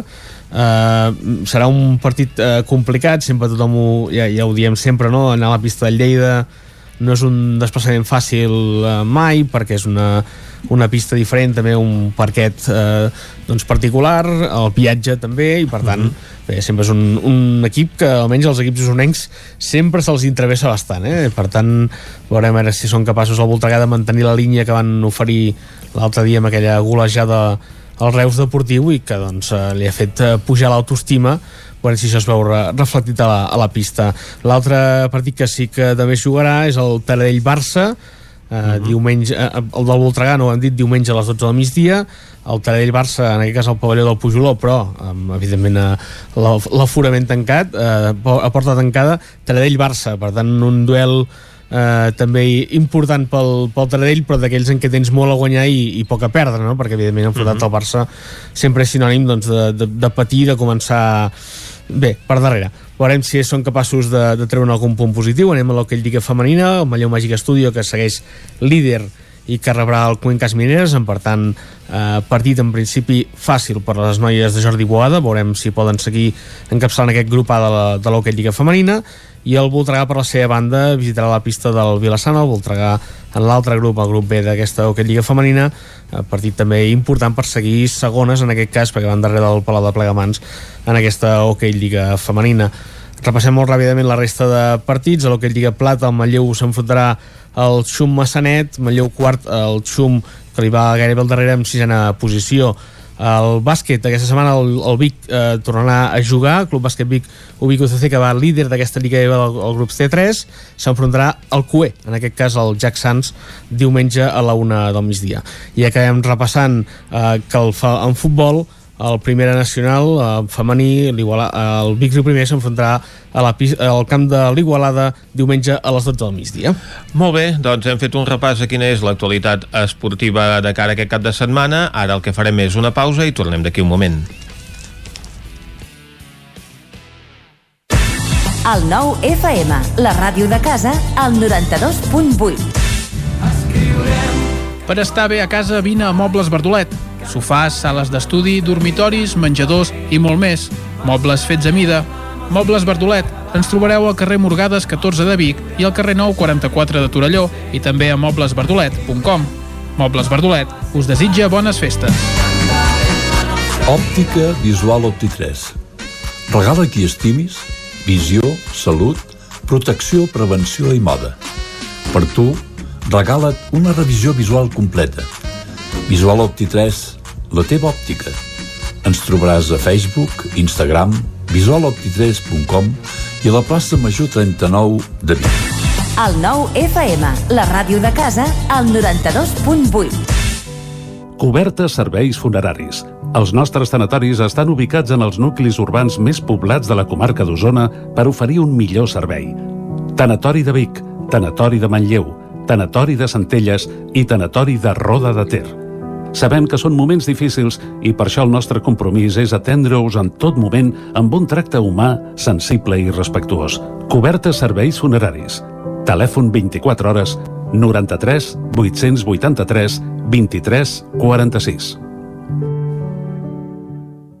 Només pensar en passar aquesta nit sense calefacció amb aquest fred? No es preocupi, hem analitzat a fons la caldera i de seguida quedarà reparada i en funcionament. Quan tingui un problema amb la seva caldera, vagi directament a la solució. Truqui sempre al servei tècnic oficial de Saunier Duval i despreocupis, perquè som fabricants i coneixem les nostres calderes peça a peça. Informis a Oficiat Nord trucant al 938860040. Saunier Duval, sempre al seu costat. La Fogonera, resistència gastronòmica. És un restaurant? És un rostidor? És La Fogonera, la cuina en directe des de GURB, on encarregues, ho vens a buscar i ara també t'ho portem a casa. La Fogonera, resistència gastronòmica. Ara amb la fogonera de dia amb aperitius, arrossos, segons plats i postres. I quan cau la nit, ens transformem en un popurri culinari. Burgers, pizza, pasta... Truca al 93 851 55 75 o entra a lafogonera.cat. La Fogonera, el teu aliat gastronòmic.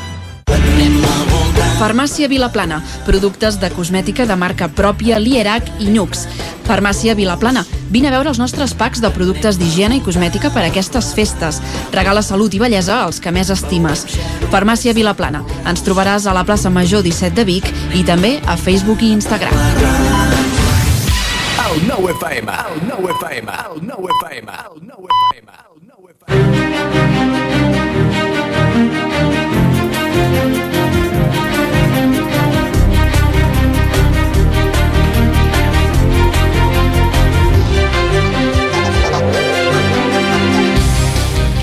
Ara mateix són dos quarts onze, és hora de fer taula de redacció al Territori 17. Comencem eh, parlant amb en Guillem Rico. Guillem, bon dia. Bon dia. Ahir vas anar al cribratge massiu de Torelló. Sí, exacte. I van com- posar un com pal al nas.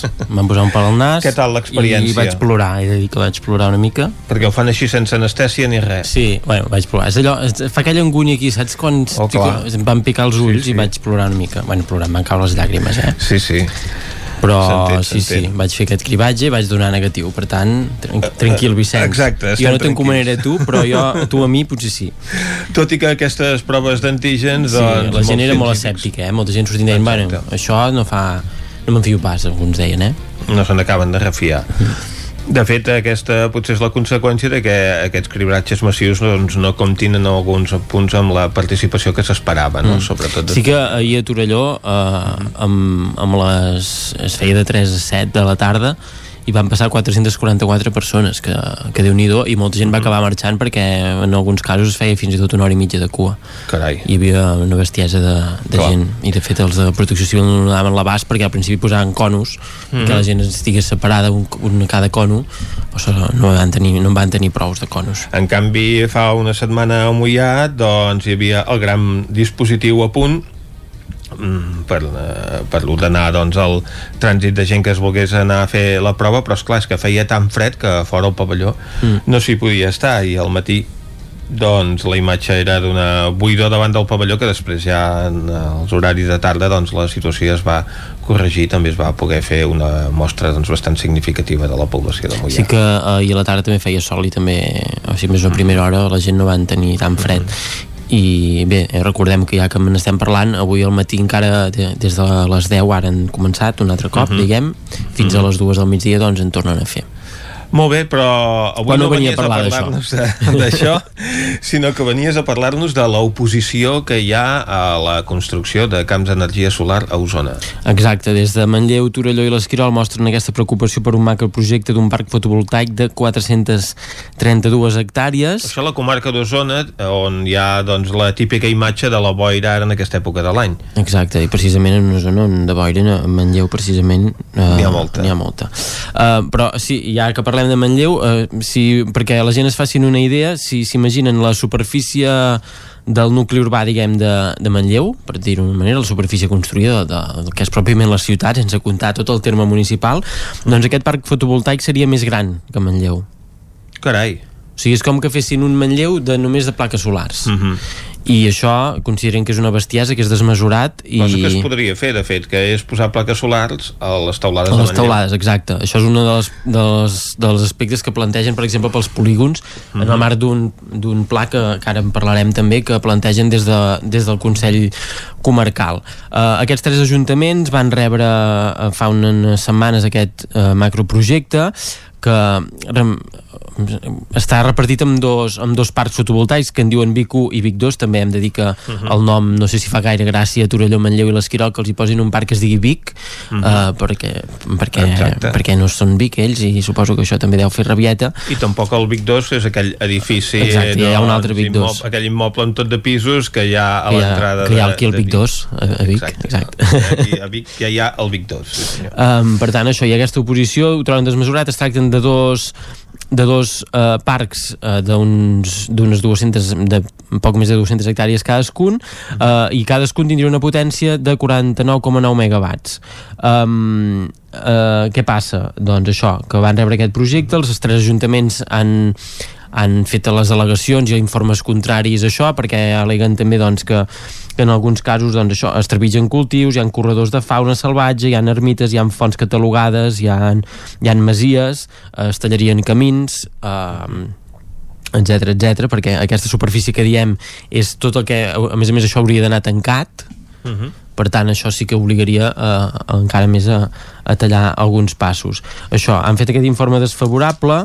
Um, sí que el que es mostra els alcaldes que parlàvem eh, parlaven d'aquesta mena de contradicció no? perquè tots aposten per les energies renovables tots aposten per l'energia fotovoltaica de fet mo molts d'aquests municipis tenen projectes petits projectes um, per, per desenvolupar i per implantar energia fotovoltaica, uh -huh. però el que no, no veuen clar és la fórmula com es fa aquesta macro això, l'impacte que tindria això uh -huh. perquè és, com dèiem, això més gran que, que, que, el, que el nucli urbà de Manlleu que la zona urbana de Manlleu i, i també pel que hi ha al darrere, no? perquè darrere hi ha, això, parlen d'especulació, parlen deien, això tampoc revertirà en el territori perquè, per exemple, eh, sigui com per autoconsum, per autosuficiència dels mateixos municipis, per sinó que això es produirà aquí i anirà a un altre lloc perquè eh, el projecte l'ha presentat una empresa d'enginyeria que es diu Iplan Gestió Integral, que és de Barcelona uh -huh. i, i que habitualment treballa per multinacionals de l'energia com Endesa o, o Red Elèctrica uh -huh. Uh, amb qui vam intentar parlar i, i per ara doncs, no, no ens han no, contestat al telèfon um, l'alcalde de Gurb sí que em recordava ho va apuntar en un Consell d'Alcaldes al setembre que va com demanar si els altres també els havia passat que, els hi, que rebien moltes petició d'empreses de, de, interessant-se per terrenys per, precisament per, per fer això. En el seu cas tenen una, una ordenança que és molt restrictiva d'entre el 2007 i el 2008, tot i que probablement, tot i l'ordenança, hi hauria eh, o sigui, els projectes aquests si s'autoritzessin per part de la Generalitat podrien anar per, passar per sobre d'aquesta ordenança. Eh, deia que és molt restrictiva, deia que fins i tot massa i que ara amb el tema aquest de l'emergència climàtica i tot plegat, doncs que s'han de plantejar d'obrir una mica perquè es puguin fer projectes però uh -huh però... Eh, amb seny, diguem. Amb seny, precisament és la paraula que feien servir ells, eh? amb seny. I, clar, criticaven aquest model especulatiu que hi ha, que hi ha, que hi ha al darrere. Ells deia això, que havien rebut molts projectes també, per què? Perquè hi ha una subestació a Vic connectada directament amb aquesta, amb, amb, amb, la, amb la MAT, i que uh -huh. això, doncs, fa que ho tinguin fàcil, diguem, per, perquè ja hi ha el punt aquest, sí. que està com lliure, i llavors les empreses s'han pogut presentar presentar projectes per poder-se connectar aquí i fer l'explotació d'aquesta super, eh, subestació elèctrica. Uh -huh. I llavors ells tenen un termini per presentar el projecte i llavors durant 5 anys el poden desenvolupar i han de presentar els terrenys i tal. Ells van fer com, entenem que van fet ja la part aquesta de de, de, de, de concursar per, per demanar la, per poder explotar la, la, la subestació uh -huh. i ara estan en, en la fase aquesta que han buscat els terrenys i han presentat doncs, aquesta proposta d'aquests terrenys que probablement alguns dels propietaris fins i tot pot ser que ni ho sàpiguen que, que hi ha la proposta que aquesta afectats, no? Clar, hi han diferents empreses semblants a aquesta que parlàvem ara doncs que, que fins i tot publiquen anuncis que busquen terrenys perquè uh -huh eh, sí que pot ser atractiu en certa manera per alguns propietaris doncs que el preu que els hi paguen uh -huh. però a més a més per un lloguer de, de 30 anys o, o per un termini molt llarg doncs amb uns preus que poden considerar fins i tot interessants el que passa que llavors uh -huh. també clar, hi ha tot aquest impacte que, que també s'ha de tenir en compte aquests alcaldes afectats juntament amb el de Gurb i també Folgueroles on hi ha també algun altre projecte perquè també està a prop són aquestes zones properes de la plana properes a aquesta subestació eh, doncs han, eh, es van reunir amb territori ells van acordar treballar treballar de forma conjunta també s'ha implicat el Consell Comarcal i també en van parlar el Consell d'Alcaldes a, a porta tancada en què no van poder assistir aquest dimecres oh. i eh, es plantegen això, fer com un com un pla d'ordenació de les energies renovables a Osona.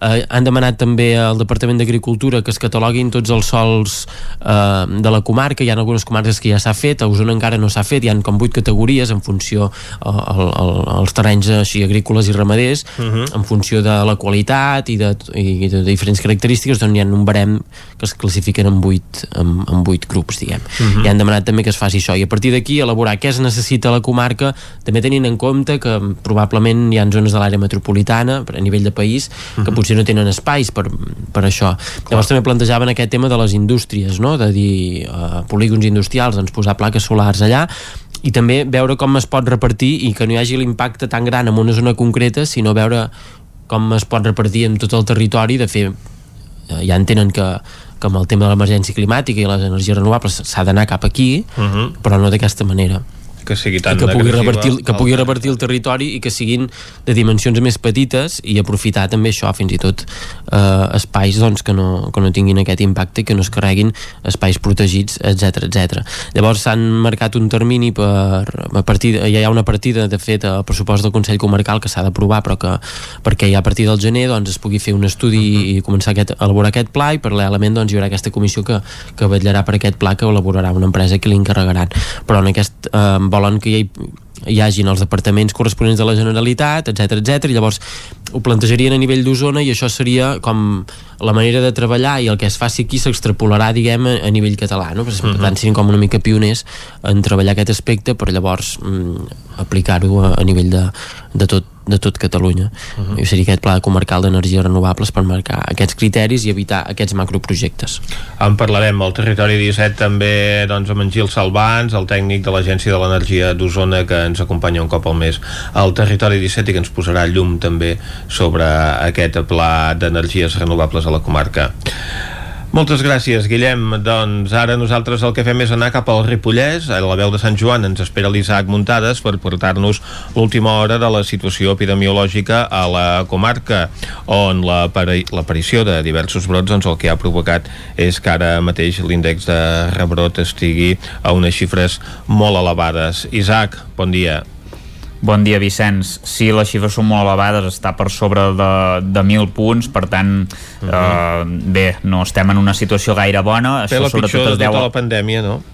Sí, sí, és la pitjor de tota la pandèmia i pràcticament, si, ara mateix no sé si el Ripollès és la primera o la segona pi, eh, pitjor comarca eh, per l'índex de rebrot, aquí també cal eh, mencionar, i és important dir-ho i contextualitzar-ho, que el Ripollès al ser una comarca que té menys habitants, evidentment pocs casos fan que es dispari, però, però ha coincidit amb el temps que hi ha hagut una sèrie de, de brots que s'han detectat doncs, en, en diverses institucions que podríem dir més aviat vulnerables, que, uh -huh. que acullen doncs, a gent vulnerable, en cas de, de residències, el tema de l'hospital o per exemple també la Fundació MAP i això ha fet doncs, que sobretot estiguin molt concentrats per tant, per exemple, uh -huh. en aquest cas abans que parlàveu de cribatges, potser en aquest cas els cribatges no serien tan necessaris en tant que es vagin solucionant aquests brots perquè estan com molt concentrats en determinats llocs, per tant se sap més o menys on són, que això és el més important. -huh. uh, us actualitzaré una mica els diferents brots. El, el més important, bé, sens dubte, és el de l'Hospital de, de Can Davano, que ja sabeu que les mesures que van aplicar és que uh, no s'ingressin pacients i que hagin d'anar, uh, que, no, que no tinguin Covid i hagin d'anar doncs, a Olot o, o al Trueta. Això s'ha uh -huh. prorrogat uns dies més, a, a banda d'altres mesures que s'han pres, i per exemple doncs, hi tenim ara mateix 34 pacients ingressats amb un brot que ja acumula eh, 6 morts i a més a més també eh, hi ha 22 professionals sanitaris eh, de baixa, ja sigui perquè han set positius o perquè han estat eh, amb un contacte estret d'un positiu. Per tant realment eh, veurem com evoluciona aquesta situació, va empitjorar respecte a la setmana passada una miqueta però sembla ser que s'ha contingut i per tant doncs, eh, en aquest sentit esperem que no, que no es produeixin més defuncions que és el que, el que menys ens agrada que passi evidentment i, uh -huh. i que es puguin anar donant d'alta la gent. Llavors pel que fa al brot de la Fundació MAP ja afecta 21 residents. Ahir ens ho explicava una mica la Marta Roder. Ara mateix hi ha una persona hospitalitzada que està lluitant per la seva vida, que està greu i també n'hi ha una altra doncs, que està hospitalitzada. En aquest cas eh, no, no perilla la seva vida de moment. I, i bé Uh, també hi ha 15 persones que estan en situació d'aïllament en pisos, 9 professionals que estan uh, contagiats en una situació doncs, que recordeu que la gent de la Fundació MAP és gent amb discapacitats i alguns d'ells tenen uh, problemes ja siguin cardíacs o pulmonars o això uh, bastant que els agafen prematurament per, per les seves doncs, uh, uh, discapacitats uh, i per tant uh, són gent més vulnerable Llavors, en el cas de la residència Camprodon, per exemple, sí que la situació està millor perquè el brot afecta doncs, ara mateix a 13 residents dels 50 que hi ha, per tant, bastants menys dels que hi havia, i dels 8 treballadors que hi havia positius la majoria ja han tornat a, a treballar i només n'hi ha dos a, en aïllament. Per tant eh, la situació és molt millor i sí que informar-vos de, bueno, d'una última hora que ja també hem explicat una mica l'informatiu però quan puguem parlar-ne i donar-vos més detalls d'un petit brot que s'ha detectat a la, a la residència de la Fundació EMA d'aquí Sant Joan. No és un brot que afecti a tant residents i treballadors com en els casos de, de Ribes i Camprodon de moment, eh, estaríem parlant al voltant de, de 7 persones afectades entre residents i, i treballadors, eh, 5, 5 residents en aquest cas i, do, i dos treballadors.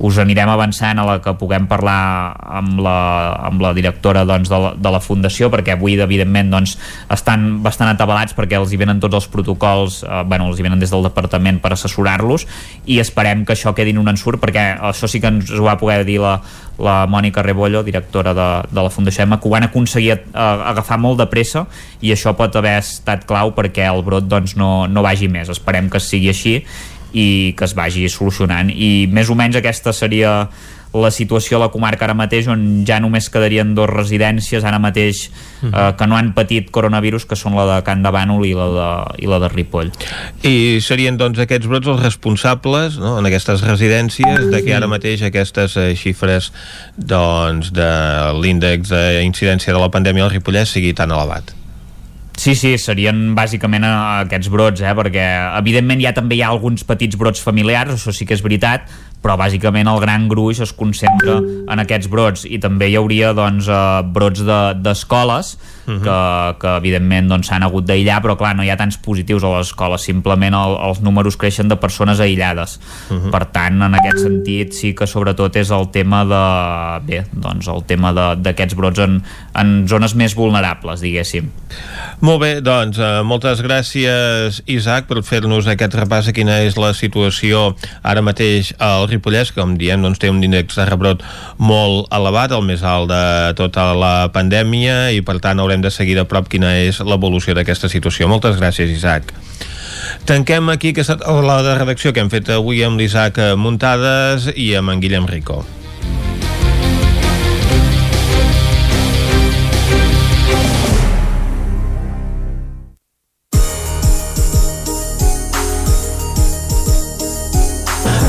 Passa un minut i mig de tres quarts onze i ara volem abordar un altre tema d'actualitat, que és la imputació de Núria Marín per un presumpte cas de corrupció relacionat amb la gestió del Consell Esportiu de l'Hospitalet de Llobregat, que ha fet moure fitxa al grup d'Esquerra Republicana a la Diputació de Barcelona on l'alcaldessa de l'Hospitalet n'és la presidenta. Els republicans han demanat la dimissió de Marín i no descarten una moció de censura i al capdavant d'aquest grup republicà a la Diputació i tenim a l'alcalde de Mollà, en Dionís Guiteres. És així, no, Caral Campàs?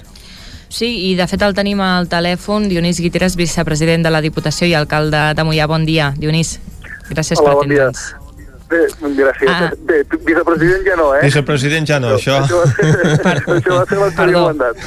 No, perdó, perdó.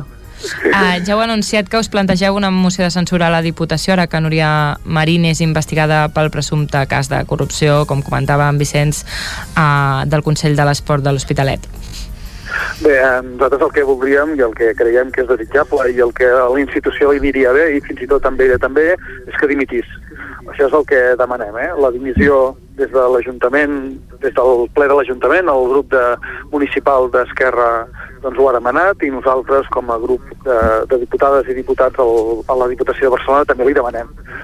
Que no ho fa, doncs bé, doncs si no ho fa entenem nosaltres que el ple s'hauria de pronunciar i que tots els grups polítics que estem representats allà ens hauríem de posicionar de si um, ens sembla bé i ens sembla raonable i ens sembla còmode doncs, tenir una presidenta de la Diputació amb, amb, amb, aquesta, amb aquestes circumstàncies i per aquests delictes. Per tant, eh, aquest és el plantejament i, si, i aquesta seria l'estratègia a seguir. Mm -hmm.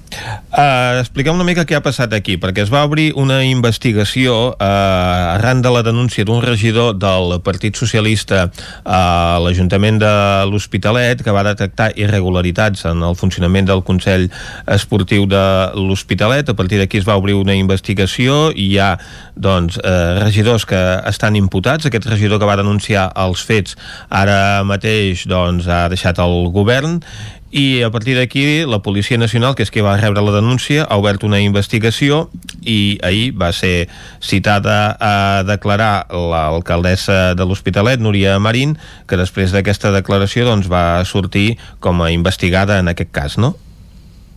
Correcte, és això. Um, és, és un tema que fa sis mesos com a mínim que dura. Uh -huh. des, del, des del ple de l'Ajuntament de l'Hospitalet, el grup d'Esquerra Republicana ha demanat explicacions manta vegades, igual que hem fet nosaltres en el ple de la Diputació de Barcelona, o demanant també una comissió de seguiment d'aquest cas eh, per part de tots els grups eh, polítics representats a la Diputació, i la resposta sempre ha estat la mateixa, doncs eh, la no resposta.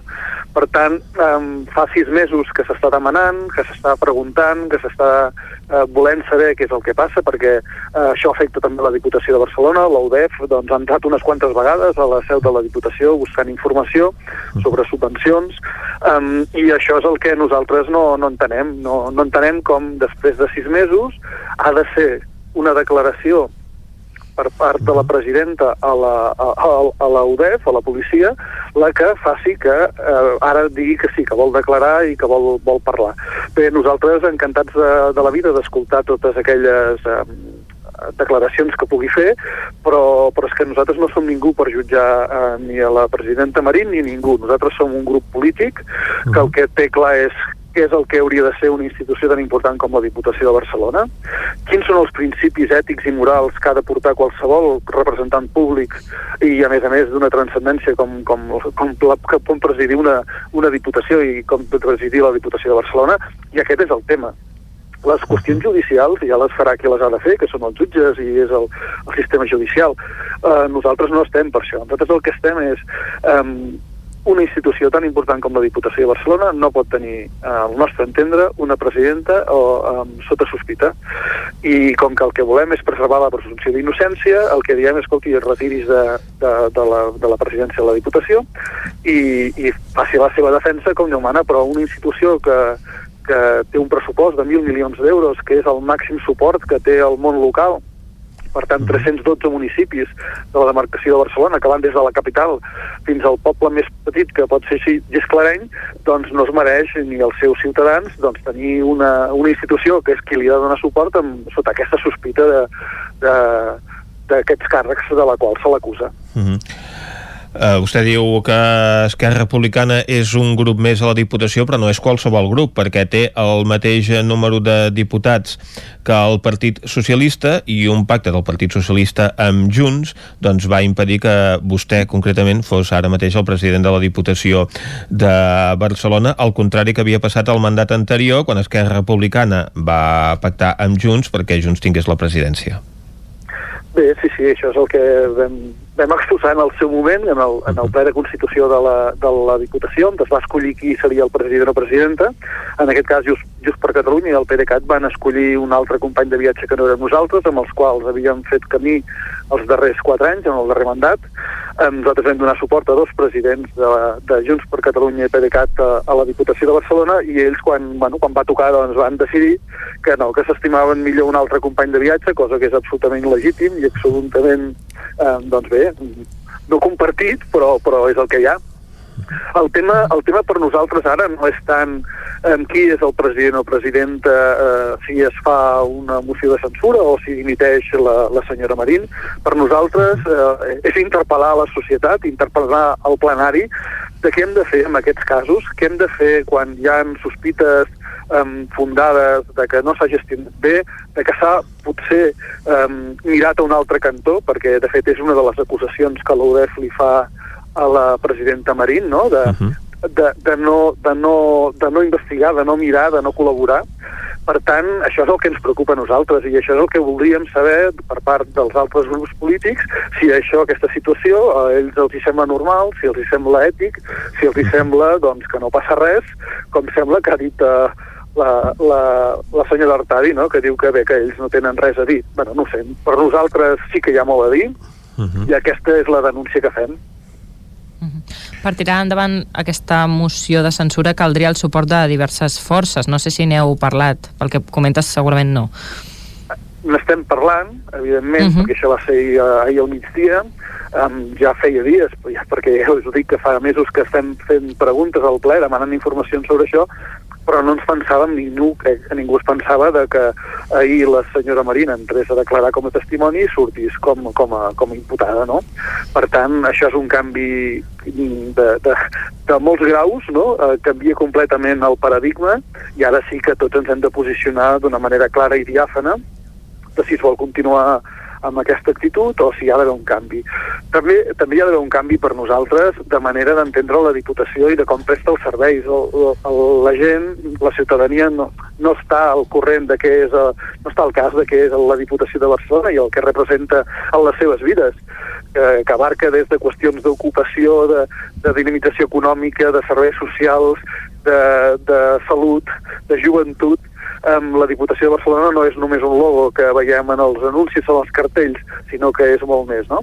I aquesta manera d'entendre uh, la Diputació i el suport que ha de donar als municipis i a la ciutadania, això també ho volem posar en debat perquè veiem que aquests dos anys que portem doncs no, no s'està fent allò que nosaltres considerem que s'hauria de fer. Uh -huh. La consellera Budó mm, parlava de que per un possible acord per tirar endavant aquesta moció doncs s'haurien de revisar altres acords en municipis com Sant Cugat o Figueres, per exemple. Això, mm, això m'entristeix moltíssim, perquè de fet el que crec que enviem el missatge a la ciutadania és que tot això és una qüestió de cromos, i no, no, no, no és una qüestió de cromos, és una qüestió de si tolerem o no tolerem la corrupció i si tolerem o no tolerem les males praxis, és aquesta la qüestió. Uh, canviar cromos eh, no és el nostre, la nostra voluntat ni molt menys perquè no, no, no considerem les institucions cromos. Eh, pel que fa Sant Cugat, eh, Figueres i d'altres municipis que, que, deia, que deia la consellera Budó, que jo sàpiga, eh, Figueres i Sant Cugat tenen dues fermes alcaldesses republicanes i en canvi la Diputació de Barcelona té una, una persona que representa un partit que no té res a veure amb els valors nostres republicans i que tampoc està gaire per la labor de que aquest conflicte polític que té Catalunya i aquest conflicte polític que té l'Estat s'ha de resoldre d'una manera política i no repressiva. Uh -huh. I veieu viable que el PSC forci un pas al costat de Marín? Mm, no ho sé. És una qüestió que se'ls hauria de demanar amb ells. Ara, eh, per als fets i per al currículum, jo diria que no. Uh -huh. Aquest cas afecta eh, Núria Marín com a alcaldessa de l'Hospitalet, però compromet també a la Diputació perquè, com eh, comentava, doncs, agents a l'UDEF doncs, han entrat a l'ens provincial buscant eh, informació eh, i podria haver també alguna vinculació d'aquest cas amb la pròpia Diputació? Exacte, sí, sí, això és el que diu uh, les, les investigacions i això és el que hem demanat aclarir des de fa molt de temps. Uh -huh. I ara, anant cap a una altra banda, quin és el model de gestió que, tinc, que tindríeu pensat els republicans si poguéssiu la, liderar la Diputació de Barcelona?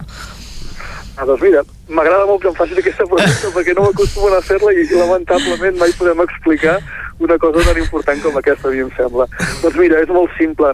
Imagineu-vos la, la nostra demarcació abasta, doncs, com us he dit, des de la capital, Barcelona, per tant, um, una, una ciutat i una àrea metropolitana d'una influència brutal amb ciutats molt grans i pobles molt petits com Gisclareny o com Mollà, no? O, o ciutats mitjanes com Vic o Manresa. Um, és evident que les necessitats que tenen els ciutadans um, són molt diferents, tot i que tenen els drets uh, a desenvolupar la seva vida doncs, com, com qualsevol altra persona visqui a un poble petit o a una ciutat. Doncs el que demanem nosaltres és que aquesta simetria, no? aquesta diferència de, de ciutats, pobles, i grans metròpolis, doncs es pugui gestionar d'una manera que generi aquesta, aquestes sinergies i aquestes necessitats es puguin veure complides de les necessitats vitals de la gent. Això vol dir eh, les mateixes oportunitats d'accedir a llocs de feina, de tenir una xarxa de telecomunicacions òptima, eh, carreteres eh, que serveixin per comunicar realment i per poder... Per, pensar que hi ha municipis com Gisclareny que no té carretera d'accés, no? Uh -huh. um, una altra, una altra de les qüestions importants eh, per, per nosaltres és que aquesta igualtat d'oportunitats eh, qui les ha de gestionar són els ens locals i supra, supralocals, que són els consells comarcals i els municipis. I els municipis eh, no tenim les capacitats ni econòmiques ni tècniques per donar aquests mateixos serveis a Mollà que a l'Hospitalet de Llobregat. Per tant, quan es pensen amb les, amb el, les estratègies de dinamització econòmica, d'atenció als serveis socials, de creació d'ocupació, s'han de pensar i s'han de, de planificar pensant totes aquestes, eh, tenint en compte totes aquestes dificultats i tots aquests hàndicaps. Um, si diem que, per exemple, els plans d'ocupació, que són un, uns, un, uns plans, una estratègia per, per donar, perquè els ens locals i supralocals puguin donar contractes temporals de 6 o de 12 mesos de durada a persones que tenen dificultats d'aconseguir treball. Doncs això és, una, això és un pla que ja fa molts anys que es tira endavant, però justament aquest, aquest any el que s'ha fet ha sigut canviar l'estratègia. És a dir, en comptes de mancomunar serveis i poder gestionar aquests plans d'ocupació des d'una institució com els Consells Comarcals, que poden tenir molt més jocs i tenen equips tècnics preparats per poder donar suport a aquestes persones que s'incorporin al món laboral, doncs eh, s'ha tret el Consell Comarcal. Per tant, un poble petit, com, no sé, eh, ara no voldria dir, per exemple, l'Esquirol, uh -huh. haurà de gestionar uns plans d'ocupació ells tots sols. I, I com ho faran si no tenen ni capacitat tècnica ni econòmica per poder-ho fer? Repartiran 2.000 euros amb dues persones del poble? Aquest és el gran hàndicap, aquesta és la gran diferència entre pensar d'una manera holística i transversal com hem de donar serveis a la gent i com l'hem d'ajudar, o mirar-la des d'un despatx eh, al costat de molts treballadors i treballadores que et permeten doncs, tenir aquesta autonomia i poder-t'ho gestionar tot, tot, tot sol sense tenir que dependre de ningú més.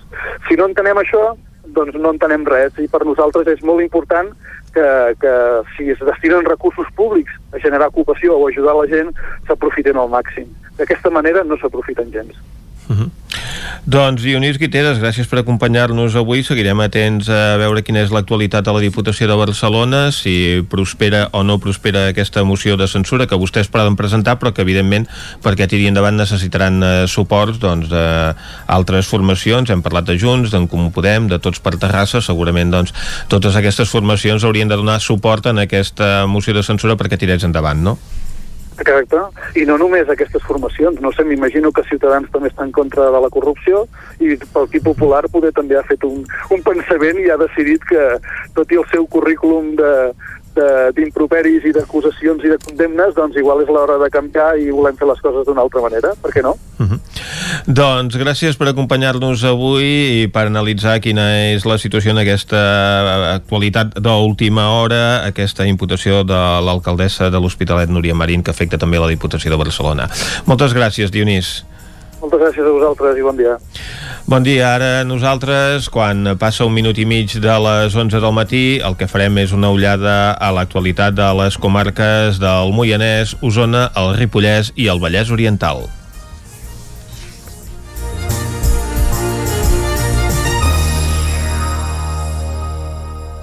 Territori 17, amb Vicenç Vigues i Jordi Sunyer.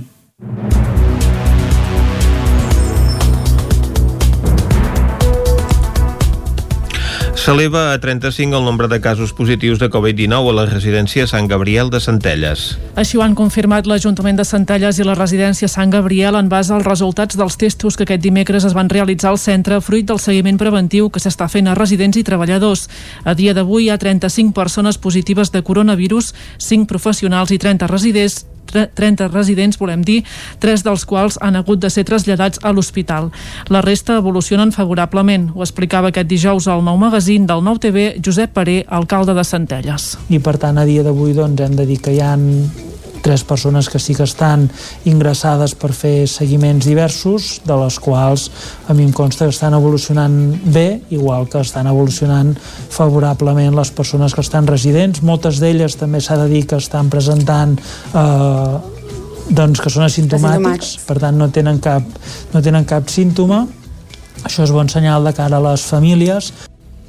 El brot a la residència de Centelles es va declarar el passat 30 de novembre quan un dels residents va morir per causes relacionades amb el virus. Des de l'esclat del brot, el centre s'ha adaptat a la nova situació. Ha reforçat l'equip de professionals i ha mantingut una comunicació constant amb els familiars de les persones que hi resideixen. D'altra banda, hem sabut que aquest matí el ministre de Sanitat Salvador Illa ha visitat el CAP de Centelles, una visita decidida a última hora i a la qual no s'ha convocat els mitjans de comunicació. Aquest dijous va finalitzar el cribratge amb testos d'antígens a Vic. Les proves es van realitzar al Cap Nord i Sud. En la jornada de dimecres al Cap Nord s'hi van realitzar 263 proves i al Cap Vic Sud 103, de les quals 4 van sortir amb resultat positiu. Ahir, dels més de 50 tests que es van fer al Cap Sud, cap tenia resultat positiu. La incidència d'aquest cribatge és molt més baixa respecte a les primeres proves que es van fer a la ciutat i on es van detectar un 4% de positius asimptomàtics. Malgrat aquesta davallada, des del CAP expliquen que esperaven una major afluència de persones per fer-se la prova després de les cues que van tenir en el darrer cribatge del dia 1 i 2 de desembre. Sentim per aquest ordre a Neus Font, directora assistencial de l'equip d'atenció primària de Vic, i a Josep Jordà i Francisco Martínez, dues de les persones de Vic que aquest dijous van acudir a fer-se el test. Ahir dels 100 testos que vam fer només va sortir un positiu, vull dir que és, és uh, poquet, de fet ja és l'esperable, eh? però és, és així. De moment avui no hem arribat ni a la cinquantena encara, eh? l'estona que portem, de moment n'hem detectat cap de positiu. És el primer cop que vinc a fer la prova i he passat aquí de casualitat, he anat a comprar i vist que no hi havia gent i que aprofito, perquè hi havia més gent. Estic bé, però bueno, bueno per assegurar. En teoria, nosaltres no podíem venir aquí, perquè som, som, estem apuntats a l'altre ambulatori, però al moment de passar per aquí, vist que no hi havia cua, dic, uita, ara aniria bé de poder-ho fer. Aquest dijous també va començar el cribatge a Torelló, que s'allargarà fins aquesta tarda de 3 a 7. Les proves es realitzen a una carpa que s'ha situat al costat del CAP i també es dirigeixen a veïns i veïnes dels altres municipis de la Vall del Gès com Sant Pere i Sant Vicenç de Torelló. Granollers preveu instal·lar càmeres de vigilància a set aparcaments públics amb una partida de 150.000 euros del pressupost de 2021. David Auladell, de Ràdio Televisió Cardedeu. El premi i el distintiu tenen com a objectiu fer un reconeixement i valoració pública de la tasca social de la integració laboral de les persones amb diversitat funcional. El premi que convoca el Consell Comarcal i la xarxa Lismivo distingeix les empreses amb centre de treball a la comarca que garanteixin el dret a la igualtat d'oportunitats i de tracte de les persones amb diversitat funcional a través de l'accés a l'ocupació. Aquest any s'han inclòs a més altres criteris de responsabilitat social corporativa, tals com tenir contractada l'electricitat amb proveïdors que garanteixin un baix impacte ambiental en la producció, disposar de vehicles de baixes emissions, disposar d'un sistema de gestió ambiental certificat o tenir alguna font de generació d'energia pròpia. El premi reconeixerà les empreses que es considera socialment més responsables mitjançant el lliurament del distintiu LISMI BO 2019. Les empreses que s'han presentat a aquesta convocatòria dels premis són d'Ara Farmacèutica al Pagàgin de Granollers i Xoca de Cardedeu. Esquerra Republicana de Catalunya no descarta una moció de censura a Núria Marín que podria portar l'alcalde de Mollà, Dionís Guiteres, a la presidència de la Diputació de Barcelona. Caral Campàs, des d'Ona Codinenca. La imputació de Núria Marín per un presumpte cas de corrupció relacionat amb la gestió del Consell Esportiu de l'Hospitalet del Llobregat ha fet moure fitxa als republicans a la Diputació de Barcelona, on l'alcaldessa d'Hospitalet és l'actual presidenta. Els republicans han demanat la dimissió de Marín i no descarten una moció de censura. Sentim Dionís Guiteres Guiteres, alcalde de Mollà i portaveu dels republicans a la Diputació. Nosaltres tenim 16 diputades i diputats disposats a treballar amb experiència i amb voluntat i no descartem per res una moció de censura. Per què no? Eh, la institució no s'ho mereix, la demarcació no s'ho mereix, els alcaldesses i alcaldes no s'ho mereixen.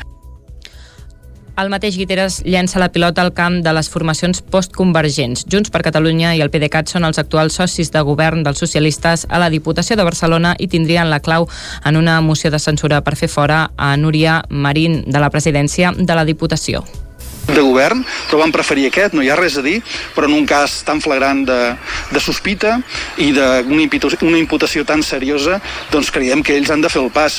Nosaltres, Esquerra Republicana, estem disposats a treballar conjuntament, i no només amb ells, sinó amb les altres forces que considerin que la Diputació és una institució referent. La presidenta Núria Marín està investigada per presumpta malversació i omissió del deure de perseguir un delicte pel cas del Consell de l'Esport d'Hospitalet, on es van falsificar comptes i actes d'assemblees per justificar gastos en negre de vora mig milió d'euros anuals per pagar nombroses retribucions a col·laboradors i polítics. El 20 de desembre s'inaugura el Vic.0, el projecte cultural i turístic de Vic que fins ara es coneixia com a Illa de la Pietat. La primera fase s'ha centrat en la zona més emblemàtica de l'equipament, la Capella Fonda. Durant les festes de Nadal, el nou espai obrirà portes a la ciutat. No serà fins a la primavera, quan s'obrirà el turisme. La petjada de romà, medieval i barroc trobat a la Capella Fonda de la Pietat és ben visible des de la passarel·la que ara travessa l'antic oratori, una obra de l'arquitecte Toni Gironès que clou la primera fase de Vic.0, un equipament cultural i turístic que explica els 2.000 anys d'història de Vic. Ha costat 1.200.000 euros i s'ha centrat en l'espai més emblemàtic del que fins ara es coneixia com a Illa de la Pietat. El 20 de desembre obrirà portes per convertir-se en un espai obert, de moment, a la ciutat de Vic. Anna R. és l'alcaldessa de Vic. No només ho fem, eh, evidentment, per fer conèixer la nostra ciutat a fora, que ja sabeu que això és un reclam, perquè sabem que això també eh, fa que la nostra ciutat doncs, es conegui més, que ens vingui més gent de fora, que puguem ser, doncs, a poc a poc, doncs, aquest tipus de turisme cultural que nosaltres volem doncs, ser captivadors, però sobretot també ho volem fer pels propis biguetans i biguetanes. El grup reduïts que aquestes festes ja podran accedir al nou espai podran gaudir també d'un videomapping que resumeix els 2.000 anys d'història de la ciutat de Vic des de la creació de la ciutat romana d'Ausa a l'actualitat. Després de festes, l'espai tornarà a tancar portes. No tornarà a obrir fins a la primavera, ara sí de cara al turisme. Susana Roura és la regidora de Turisme i Cultura de l'Ajuntament de Vic. I el que voldrem precisament és que a part de gaudir d'aquest espai que ara, que ara hem vist, també es gaudeixi de la, de la nau de la Pietat i que també es pugui pujar doncs, al, al far de, de Vic una mica que seria la, el campanar de l'església d'aquí la Pietat. A partir del dia 20, a la nau central de la Pietat també s'inaugurarà l'exposició Cert en Flames, una mostra que arriba coincidint amb el 75è aniversari de la mort de Josep Maria Cert i que inclou obres cremades de l'artista durant l'incendi de la Catedral de Vic de l'any 1936. A principis d'any arrencarà la segona fase que té un pressupost de 650.000 euros. Charango guanya el Premi Pompeu Fabra en la categoria de projecció i difusió de la llengua catalana. Isaac Muntades, des de la veu de Sant Joan. Charango, el grup de música compost per membres del Ripollès i Osona, va guanyar el Premi Pompeu Fabra en la categoria de la projecció i difusió de la llengua catalana, que es concedeix a persones o entitats que pels seus estudis o per les seves activitats hagin contribuït de manera destacada a la difusió i promoció de la llengua catalana, al seu reconeixement públic o activitats que tenen aquest objectiu. El jurat va destacar la proposta de música de fusió de Charango i les lletres de les seves cançons en català que han portat la llengua arreu del món. L'encarregada de donar els premis a l'acte d'entrega al Saló dels Miralls del Palau Marc va ser la consellera de Cultura Àngels Ponsa, que estava acompanyada de la directora general de Política Lingüística, Esther Franquesa. El cantant Sant Joaní de Charango, Alguer Miquel, va ser l'encarregat de recollir-lo juntament amb tres membres més de la banda. Miquel va fer un breu discurs on va donar les gràcies en nom del grup i va recordar que en els últims 10 anys han pogut viatjar i cantar a més de 30 països d'arreu del món. Així ho explicava. Podent cantar i compartir aquesta llengua preciosa que ens van regalar, que sabem que és una cultura que ha estat minoritzada històricament i és un regal poder-la dur pel món, i dir que sempre el català ens ha obert més portes que no que ens ha tancat, no? que en contres del que sembla, tenir una llengua pròpia en el món cultural i en la celebració de la diversitat a nosaltres ens ha obert moltíssimes portes. Aquests dies estem parlant molt de la cultura, i sempre en parlem des d'una visió molt mercantil. No? Sentim que el capitalisme està intentant buidar el que nosaltres entenem que és la cultura, que és un punt de trobada, que és la celebració de la diversitat, que és la relació dels homes amb la Terra i amb, amb la resta del planeta. No? I avui volíem afegir una mica que en aquesta distopia que vivim nosaltres hem pogut viatjar pel món, però el dret a la lliure circulació de les persones no està garantit, així que ho fem i viatgem pel món amb un passaport que a vegades ens fa una mica de vergonya, perquè sentim que està atacat de sang històricament i que si no entenem la cultura com aquest tot i comencem a construir el món del demà, aviat no tindrem amb qui compartir una llengua tan bonica com la nostra. Els Premis Pompeu Fabra, instituïts l'any 2008 i que des del 2011 estan dividits en sis categories diferents, també van reconèixer ex aequo a Lídia Pons i a Joan Julià Moner en la categoria de trajectòria professional, científica o cívica. En la categoria socioeconòmica, l'empresa Comunidad Filmin SL per la plataforma digital de cinema en català Filmin Cat. En la categoria de comunicació i noves tecnologies, a l'entitat Associació Audiovisual Jove Malaya per la plataforma digital de creació de continguts en català a internet Canal Malaya. En la categoria d'incorporació a la comunitat lingüística catalana a l'entitat Coral Canta amb el Cor de Reus i finalment a la categoria de voluntariat lingüístic a Blanca Serra.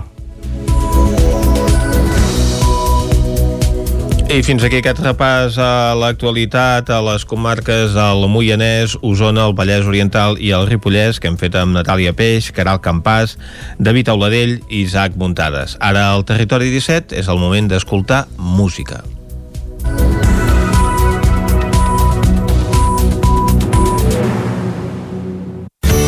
Territori 17. Envia'ns les teves notes de veu per WhatsApp al 646 079 023. 646 079 023. WhatsApp Territori 17.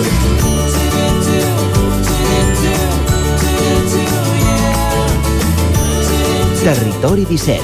Som a Facebook, Twitter i Instagram amb l'usuari Territori 17.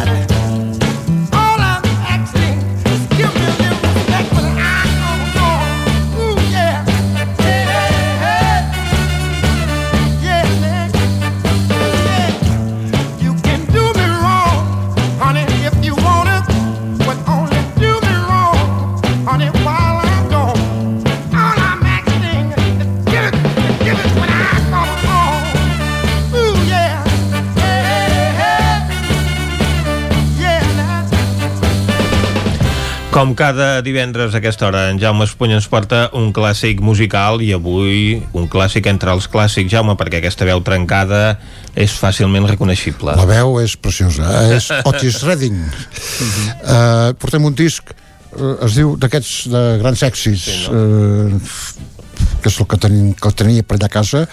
Eh, I una mica, uh, per què? Doncs perquè ahir, uh, el dia 10 de desembre, va fer 53 anys o sigui, l'any 19 10 de desembre del 1967 uh -huh. va morir Otis Redding uh -huh. amb 26 anys aquest no va arribar ni als 27 ni als 27 va morir eh, en un accident eh, uh -huh. d'aviació el seu avió eh, es va treballar sí, contra... un avió particular ja. Sí. Als 26 anys ja tenia un avió particular. Tenia un avió particular perquè estava forrant.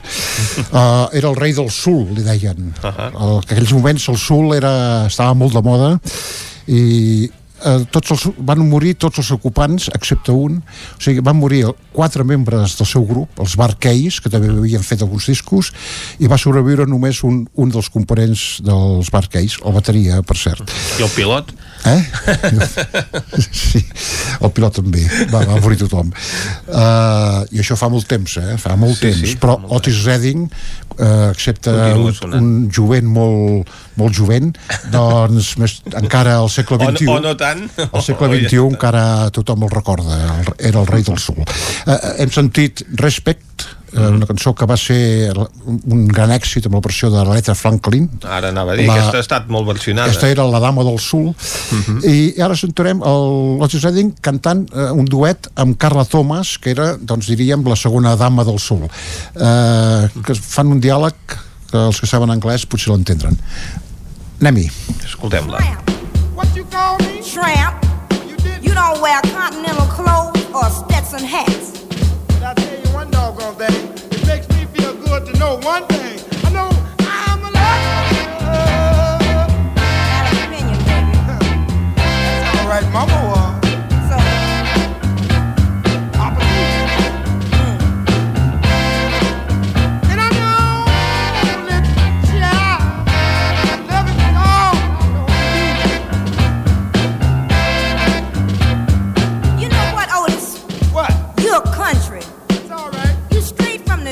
Georgia woods. That's good. You know what? You wear overalls, big old broke iron shoes, and you need a haircut, tramp.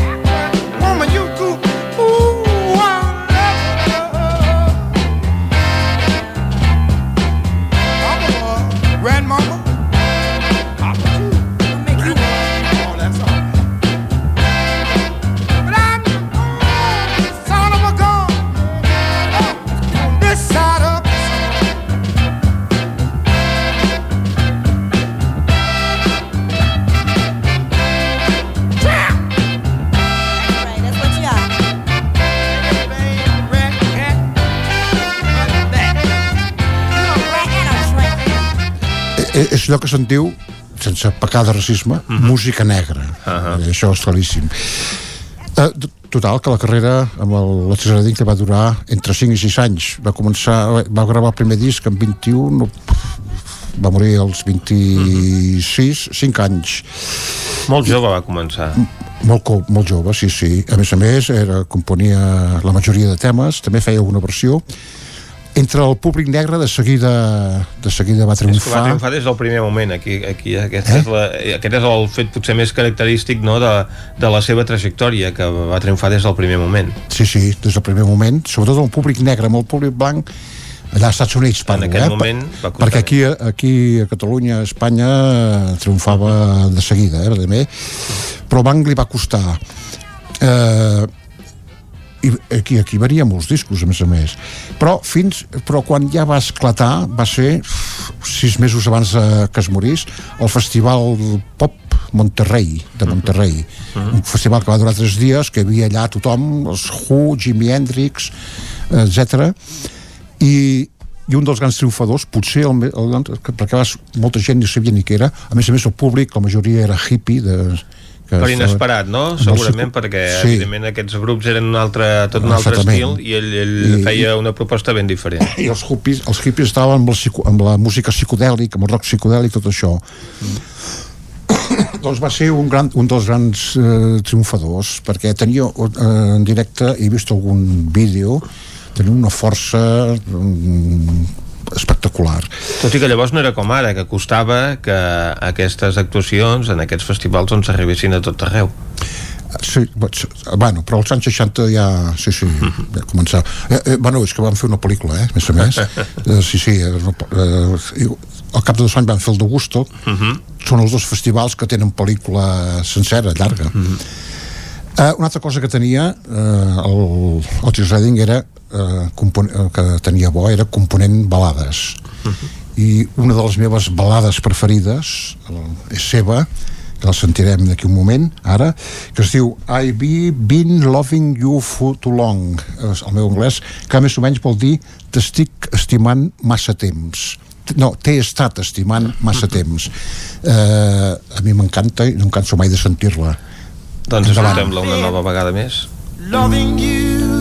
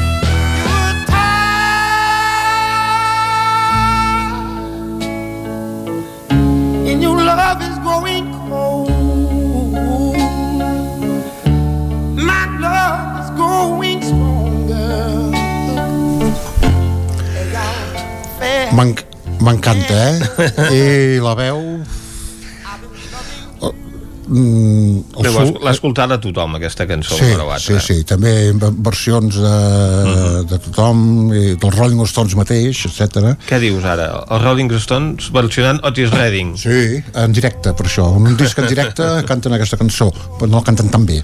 Oi. Uh, L'últim disc que va gravar abans de morir uh -huh. el va gravar el gravava l'havia acabat de gravar no feia gaire és el The Dock of the Bay també un altre Sitting Ara. Sitting on uh -huh. The Dock of the Bay assegut a, al moll de la Bahia uh -huh. doncs no, no va sortir fins al fins, quan ja estava mort, fins al gener de 1968 i en el disc va canviar, va canviar força d'estil. Continuen havent aquestes trompetes, uh -huh. Eh, bueno, trompetes i saxos, el vent aquest, però eh, un estil més elaborat i una mica més diferent, diferent una mica del soul uh -huh. i acostant-se una mica al rock perquè es veu que va escoltar va sentir els Sgt. Peppers uh -huh. els Beatles i va dir tu he de fer ja una cosa això. semblant perquè això evoluciona està evolucionant molt de pressa perquè als anys 60 evolucionava la música molt de pressa i és, és una mica més elaborat musicalment una mica més diferent consti que no, no, no, no hi ha cap cançó que superi aquesta balada que hem sentit eh? però bueno i no sé què hauria si, si hagués viscut més temps potser hauria fet música que ens hauria... Potser hauria canviat la història de la música. No? Potser hauria canviat la història de la música, però els morir els 86. Escoltem Dock of the Bay. Exacte, la cançó més coneguda. Sí, sí, sí, i la cançó la, va ser el primer número 1 de, de uh -huh. single i disc i, i de l'EP de, les, de la seva vida a, a, les, a les llistes pop de, dels blancs. Uh -huh. Escoltem.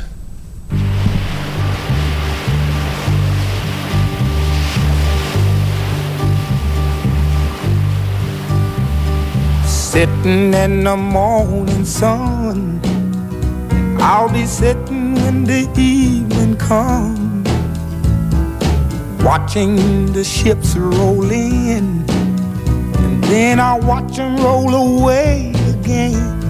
Yeah, I'm sitting on the dock of the bay, watching the tide roll away.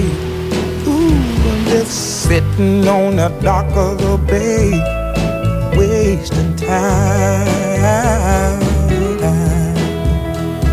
I left my home in Georgia, headed for the Frisco Bay. I've had nothing to live for, and look like nothing's gonna come my way. So I'm just gonna sit on the dock of the bay, watching the tide roll away. Ooh, I'm sitting on the dock of the bay, wasting time.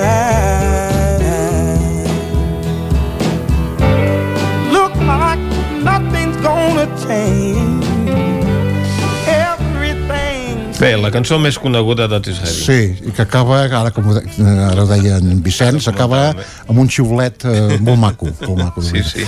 Acaba la cançó. Uh, a part de compondre grans temes i, i per altra gent també uh, com sempre My Girl també dels Temptations Exacte. és seva bueno, amb una altra, amb una altra.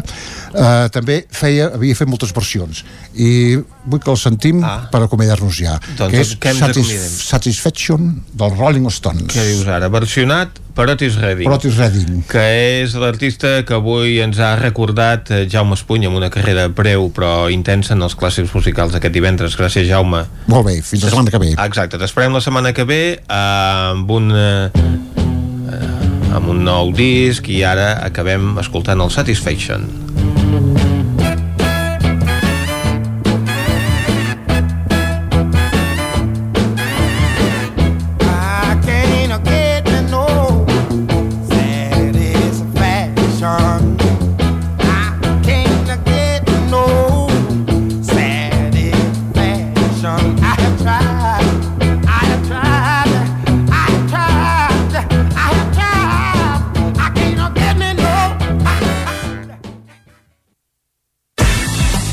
FM, la ràdio de casa, al 92.8.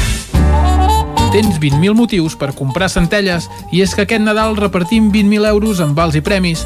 Només has de demanar la targeta de participació a qualsevol establiment comercial i de serveis de centelles i segellar quatre establiments diferents. Aquest Nadal comprar centelles té premi.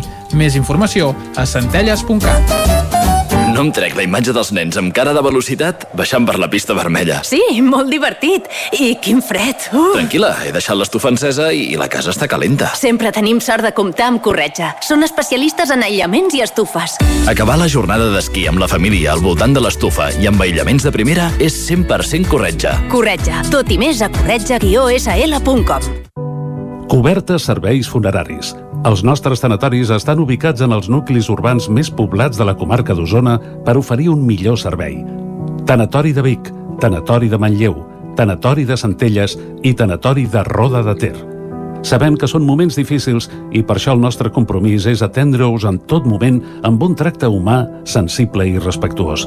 Cobertes serveis funeraris.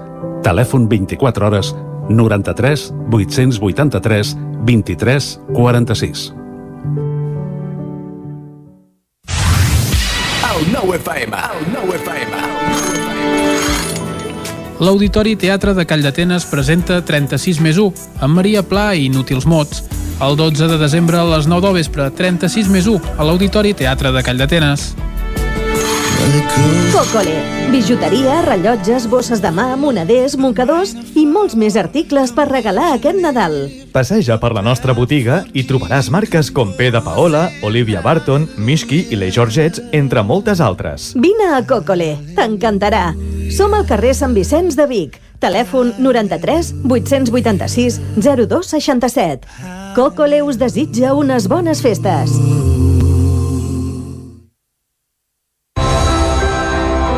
Aquest Nadal torna a somiar amb equivalença. Les idees més perfumades per regalar des de només 8 euros amb 95. I aquest any el nou perfum que enamora, Wild Soul de Lara Álvarez i equivalença. Més de 130 fragàncies, sets de cura facial i ambientació per a la llar t'estan esperant a Equivalenza Vic, al carrer Pla de Balanyà 29 de Vic. Cada territori té un atractiu o més d'un. El fruit, el paisatge, la seva gent, les pedres... Camins de l'Eix. Descobrint el capital de terra endins. Camins de l'Eix, dissabte a les 9 del vespre al 9 TV. Aquesta setmana, els cingles de Bertí, amb el suport de la Generalitat de Catalunya. 7 milions. El nou FM, el nou FM, el nou FM, el nou FM. Territori 17.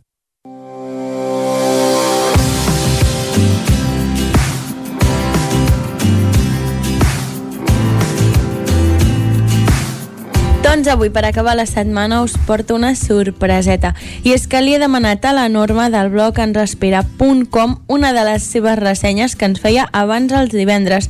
I és que avui toca parlar de les franqueses del Vallès. I en aquest cas us parlarem d'un parc molt a prop de casa nostra, en què la C-17 hi passa de ben a prop. És el parc del Falgar de les franqueses del Vallès, una proposta de jocs de fusta que incentiven l'enginy, la motricitat i el respecte per l'entorn, on en un mateix espai hi ha propostes per a nadons i per a nens més grans i fins i tot per als adults que també hi poden participar. 17 hectàrees amb ombres, zones de relax i pícnic i amb un estany artificial per fer observació d'aus. Ens en dona més detalls la norma del blog almonensespera.com. És als afores de les Franqueses, a tocar de Llerona, i s'hi pot arribar en bici per un carril que vorreja el Besòs des de Granollers. Ens n'anem al Parc del Falgar, un parc recuperat gràcies a un projecte de restauració paisatgística del programa Xarxa Natura 2000. Una de les zones que més s'ha treballat és la humida. Hi trobareu tres llacs artificials, un de gran i dos de més petits, amb una zona especial dedicada a la nidificació d'aus. L'aigua prové de la depuradora de la Garriga. Per aquest motiu hi trobareu un mirador d'aus autòctones i migratòries. Estan acompanyades d'un panell informatiu amb fotografies del tipus d'ocells que, si teniu paciència, hi podreu veure.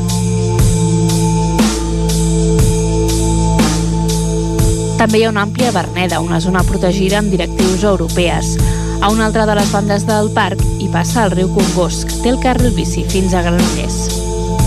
Un dels elements més destacats del parc és la zona de jocs de fusta i cordes per a diferents nivells de motricitat i amb propostes per jugar amb sorra.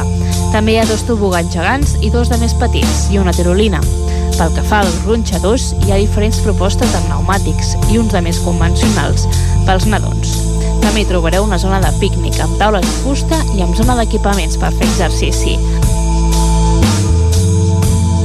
El parc encara està en construcció. La part que queda per acabar és una aula de natura de 450 metres quadrats que es destinarà a la formació, divulgació i recerca d'aquest tipus de zona de ribera recuperada.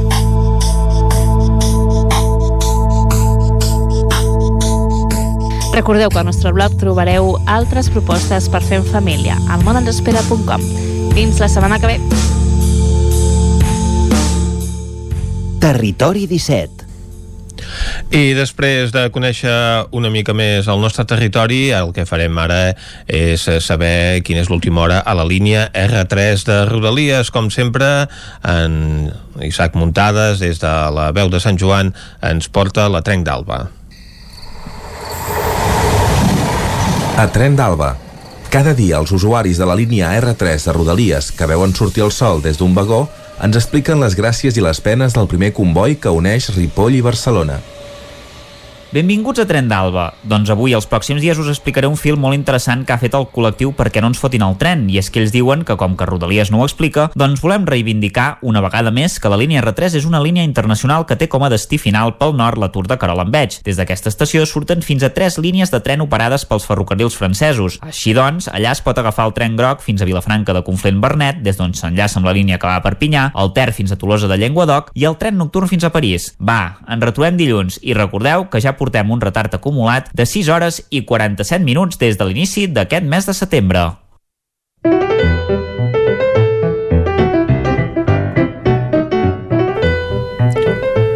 Passen 4 minuts de dos quarts de 12, és hora de parlar de cuina a la Foc Lent. Avui a la Foc Lent anem a l'aula d'hostaleria del Ripollès i des d'allà, com que s'acosten festes assenyalades, ens parlaran dels menús de Nadal. Bon dia. Bon dia, som aquí a l'aula d'hostaleria del Ripollès, a Ripoll. Avui, per la secció a Foc Lent, hem convidat tres alumnes. L'Alberto, Laura i la Sara. Tres alumnes, bon dia. Bon dia. Tres alumnes del cicle formatiu de grau superior de direcció en cuina. I ho hem fet, els hem convidat avui perquè tots tres esteu cuinant, oi que sí? Avui esteu cuinant el que és el menú de degustació de Nadal s'apropa el Nadal i llavors aquí a l'aula sempre eh, proposem un menú, un menú de Nadal un menú que fa sortir la gent rodolant d'aquí, oi que sí? sí. Eh que sí? Comença amb una sortit de canapés. Ets tu, Sara, qui l'ha preparat, no? Sí, està format així per tres canapés, tres tapetes petites i bueno, una és un tartar de salmó fumat amb gelatina de llimona l'altre és un brioix del CD de Can Roca farcit de sobrassada i un carpaccio de rosbif. déu nhi I, I quin és el que t'agrada més a tu? A mi el tartar de salmó. El tartar de salmó, molt bé. Bueno, quin començament. Després hi ha d'haver l'escudella, no? Com a tots els menús de Nadal, no? No pot faltar. No pot faltar l'escudella ni els canelons. Però, en canvi, vosaltres, tu, Alberto, estàs preparant ara... El suquet de rap. Suquet de rap. Sí. Mira, eh, lo que he hecho ha sido, he freído el rape. Sí. El rape. Y he hecho un sofrito que lo empecé ayer a hacer uh -huh. para que coja gusto. Uh -huh. y, y, he preparado, he abierto los mejillones, he abierto las almejas uh -huh. y he pelado las gambas también para tenerlo todo junto y también he hecho una patata de Sergi Adola, que son unas patatas Ajá. bravas Sí. de su restaurante, Sí. que son muy curiosas porque son unas patatas que son redondas, con un agujero dentro, y le meten una salsa brava por encima y las emplata así juntas. Muy bien, o sea que son elaboraciones eh, de cierto nivel, ¿no? Sí, hay bé, elaboraciones que molt sí. bé, molt bé, molt bé, molt bé. Largues, con paciencia. Sí. Són llargues? Sí? Bé, depèn de quines, el, per exemple, el suquet, si vols fer el sofregit bé i tot, sí, és, és Bueno, porta com- temps. Clar, com Sí. ha dit l'Alberto, va començar ahir. Sí. No? Molt bé. Escolta, i quina hora entreu a la cuina? A les 9 i mitja, entre 9 i mitja i 10, Sí. comencem. Clar, o sigui... preparamos las recetas Sí. y empezamos a cocinar. Hacer la preelaboración y luego las técnicas. Uh -huh. Molt bé. De tot això en feu una fitxa de producció, o sigui, no? Tot, tot queda d'alguna manera... vull dir, Registrat, sí. Registrat, Sí, sí, exacte. Has d'ensenyar escandallat, treure el preu de cada plat. Uh -huh. D'acord. També vigilem molt amb el tema dels al·lèrgens, perquè com que també tenim alumnes que tenen diferents al·lèrgies, doncs, i també tenim en compte la traçabilitat i tots els punts que la contaminació creuada i totes aquestes coses. Uh -huh. De fet, avui dia és preceptiu no? marcar els al·lèrgens en el menú, no? Sí, eh? Vull dir, això ja ho fem, no? amb uns símbols de, de marcar-li a la gent que pot, on pot haver-hi un perill, no? Sí. Uh -huh. Molt bé. Tu, Aura, estàs preparant un altre plat de Nadal... Típic. Típic, típic, eh? és que aquest menú nostre és molt típic, eh? El pollastre rostit. Sí. Què li fas amb aquest pollastre? Bueno, és la recepta típica de, de, del receptari català, que és simplement bueno, fregir el pollastre trossejat eh, a vuitens o així i, i després en allà hi fregim, sofregim la ceba també, sofregida molt lentament perquè vagi anant, deixant anar tots els gustos, tots els aromes. Després ficar-hi la- el tomàquet per, com casser, que és sense la pela i sense les llavors i deixar-ho sofregir tot a foc lent. En funció de després anar-ho provant i així, i en funció de si li falta una mica de sucre, una mica de sal i anar-ho rectificant i després hi afegim afegim el pollastre, Uh -huh. uh, uns aromatitzants que solen ser frigola o una mica de llorer o romaní Mhm. i després el fons de pollastre que normalment sempre fem el dia abans perquè són coses que sí que necessiten el seu temps i després això ha d'anar fent xup-xup a poc a poc i, i ficarem segurament unes prunes o uns fruits secs que són el que es posen típicament a aquestes festes Oh, sí, pinyons. I, Sí. Eh? Molt bé. Molt bé, molt bé. Bueno, tornem perquè ja ara ja ens hem despistat, no? Jo, jo com a mínim ja m'he despistat. Primer una sortida de canapés, després l'escudella. Sí. Que cap de vosaltres, perquè us dividiu, quan sou a la cuina, us dividiu en, en, En partides, sí. en partides. I per tant, no tenim ningú de la partida de l'escudella. Mm. No. Bueno, llàstima, però és igual, l'escudella i la carn d'olla és la de sempre. Típic. Els galets farcits. Ah, ah, ah, Sí. explica-ho, explica-ho, Sara, explica-ho. Porta temps que jo el vaig ajudar ahir a fer l'escudella, uh -huh. haver de farcir tots els galets, fer el caldo, la, la manguilla. Sí, molt La bé. manguilla. I, Sí. i sí, sí. A poc a poc el caldo i després ens van ensenyar un truco que si, per exemple, quan farceixes els galets, Mhm. si tu els fas bullir amb molt poc caldo, no Mhm. surt la carn. En canvi, sí, clar, si quan ho feies a casa a la iaia, Mhm. a vegades el, la carn de dins del galet sortia. Vale. I, per tant, I el caldo, diguem-ne, que l'has fet a banda, també Sí. l'acabes posant no? sí, després, sí, sí, eh? el, el poses després. clar. Molt bé, oh, tu, és que tot s'ha de saber, no? Sí. Molt bé. Bueno, i els canelons, canelons de Nadal. Això és el gran plat, no? Aquí a Catalunya no hi ha Nadal sense canelons. Bueno, no hi ha Sant Esteve sense canelons, no? Perquè molt sovint el mateix pollastre que mengem el dia de Nadal és el que permetrà fer canelons el dia següent, no?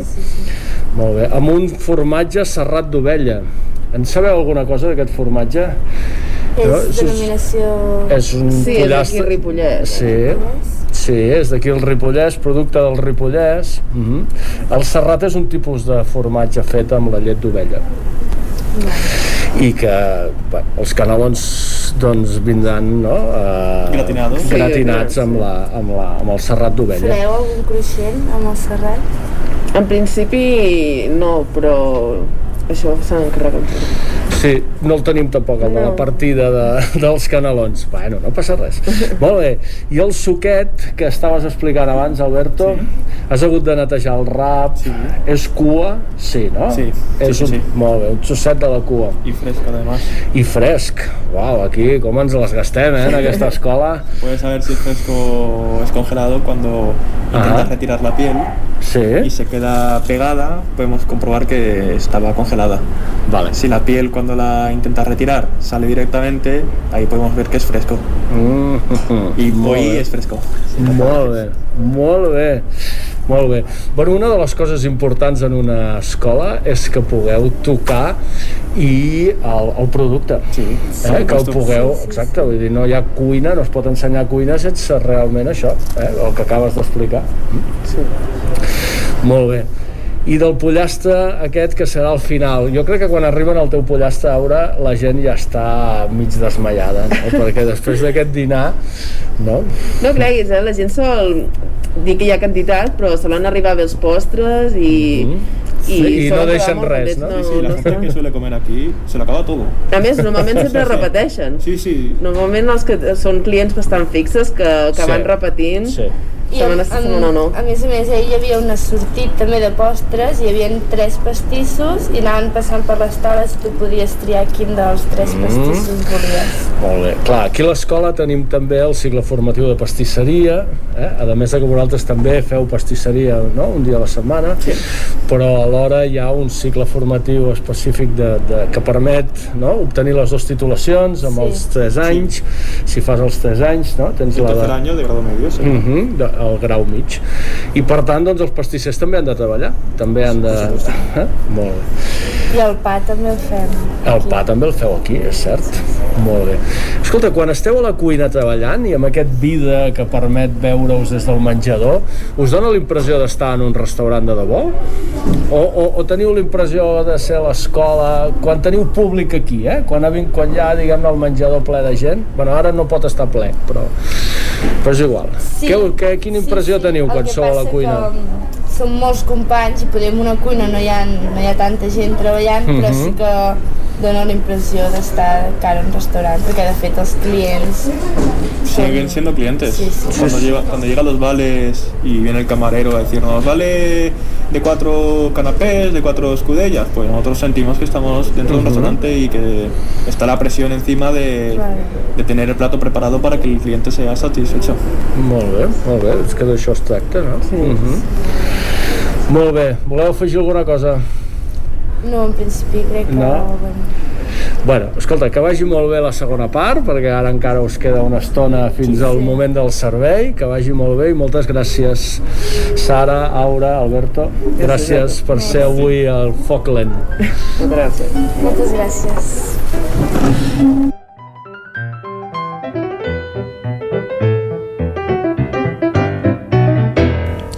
Doncs moltes gràcies a l'aula d'hostaleria del Ripollès. Avui hem pogut gaudir del que preparaven aquests alumnes de l'aula en la foc lent d'aquest divendres. Són ara tres quarts de dotze. Encarem la recta final del programa d'avui, l'últim programa de la setmana, i el que farem doncs, és proposar-vos activitats per fer al llarg del cap de setmana.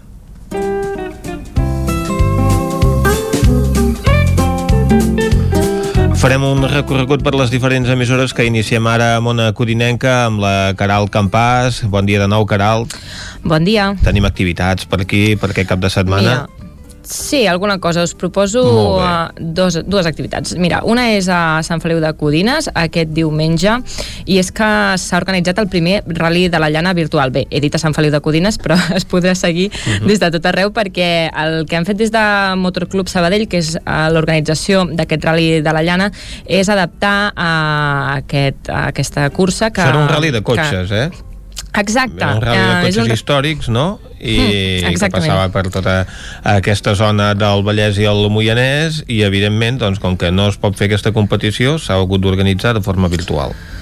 Exacte, des de l'organització van estar mirant diferents maneres i, i han reproduït tot el que seria aquest circuit que comentaves, que passa per, per aquestes zones, tal qual és en físic, l'han reproduït um, virtualment. Llavors la, la gent s'hi ha pogut apuntar i, i competiran doncs, de manera virtual.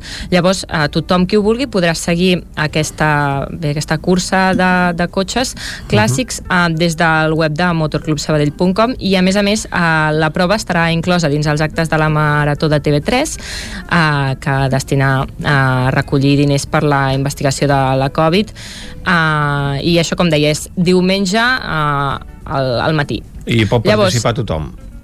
Mm, sí, bé, es pot seguir, qualsevol persona uh -huh. ho pot Mhm. seguir des del web de motorclubsabadell.com participar-hi, uh -huh. les inscripcions dels cotxes ja, ja es van tancar, però sí, es pot, es pot seguir. I per altra banda tenim a Caldes um, aquest diumenge a les 11 s'inaugura un mercat d'art solidari que serà uh -huh. en Mhm. format expositiu es diu ni diuen mercat d'art perquè la gent tindrà l'oportunitat de comprar les peces um, i serà en format, com deia, de- d'exposició. S'inaugura diumenge a les 11 i es podrà veure, i la gent que estigui interessada a comprar obres, fins al 10 de gener. Tot això es fa en solidaritat a la Xènia Garcia, que és aquesta calderina que en el marc de les eh, mobilitzacions per la sentència eh, va ser detinguda i empresonada i tancada a la presó durant uns dies. Doncs bé, per la causa de la Xènia Garcia han organitzat aquest mercat d'art solidari des, de, des del grup Xènia Llibertat s'han posat en contacte amb diferents artistes de Caldes que han cedit les seves obres perquè es puguin vendre en aquest mercat. Uh -huh, molt bé. I ja, fins aquí tindríem el, les Molt bé. opcions de, doncs ja oci sabem cap de que fins a totes aquestes festes es poden comprar obres d'art en aquest mercat amb aquest mercat eh, solidari doncs ara el que fem nosaltres és anar cap a Ràdio Cardedeu on ens espera l'Òscar Muñoz bon dia Òscar Bon dia de nou. explica'ns quines activitats hi ha en aquesta zona del Vallès de cara a aquest cap de setmana Doncs per Granollers tenim avui mateix la Fira del Disc tot el dia a la plaça Lluís Perpinyà uh -huh. i també tenim la Fira d'Artesans a la plaça de la Corona.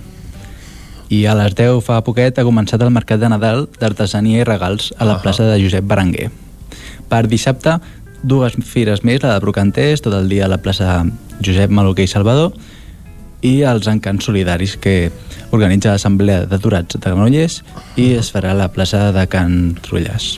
I diumenge a Llinars del Vallès tenim un nou mercat nadalenc, diguem-ne, uh -huh. el, car els carrers Santiago Rossinyol i el carrer Nou, després de l'èxit de, de la Fira dels Torrons, doncs eh, uh -huh. la Unió de Botiguers de Llinars, doncs, per promocionar encara més la, la campanya de Nadal, doncs això organitza un petit market nadalenc que res serà pel matí de 10 a, a dues uh -huh. de, de la tarda, de migdia, i això, les botigues al carrer perquè la gent doncs, pugui fer algunes compres nadalenques. Uh -huh. Molt bé. Per tant, va funcionar aquest eh, mercat d'aquesta Fira dels Torrons, no? aquesta activitat tradicional sí. que aquest any doncs, s'ha doncs, hagut de, eh, de celebrar amb les circumstàncies en la que ens veiem doncs, tots obligats i eh, que dilluns i dimarts aquesta setmana va estar obert a Llinars del Vallès. 8.000 persones van assistir a la Fira dels Torrons entre els dos dies. Doncs són moltes tenint en compte que hi havia aquest control d'aforament. Exacte. Uh -huh. Exacte, sí. El, el control d'aforament va haver-hi tot el moment i això, es delimitaven bé els perímetres per entrar, per sortir i per passejar. Uh -huh.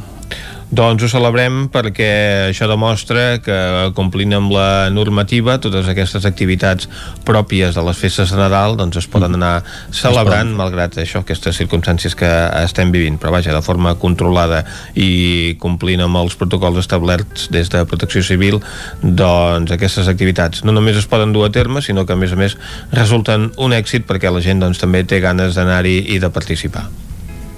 Mm. Alguna activitat més, Òscar? Fins, no, fins aquí estaria el repàs. Molt bé, doncs gràcies per aquest repàs a les activitats que tenim per aquests eh, propers dies aquí al Vallès. Ara el que fem és anar cap al Ripollès. Allà ens espera eh, l'Isaac Muntades, que com cada dia el tenim a la veu de Sant Joan. Isaac, bon dia. Bon dia, nois. Doncs mireu, doncs, si dimecres us van emportar una agenda cultural doncs, força farcida i carregada d'activitats, no podem dir el mateix de l'agenda d'oci, perquè al Ripollès les fires, mercats i activitats d'oci encara resisteixen força.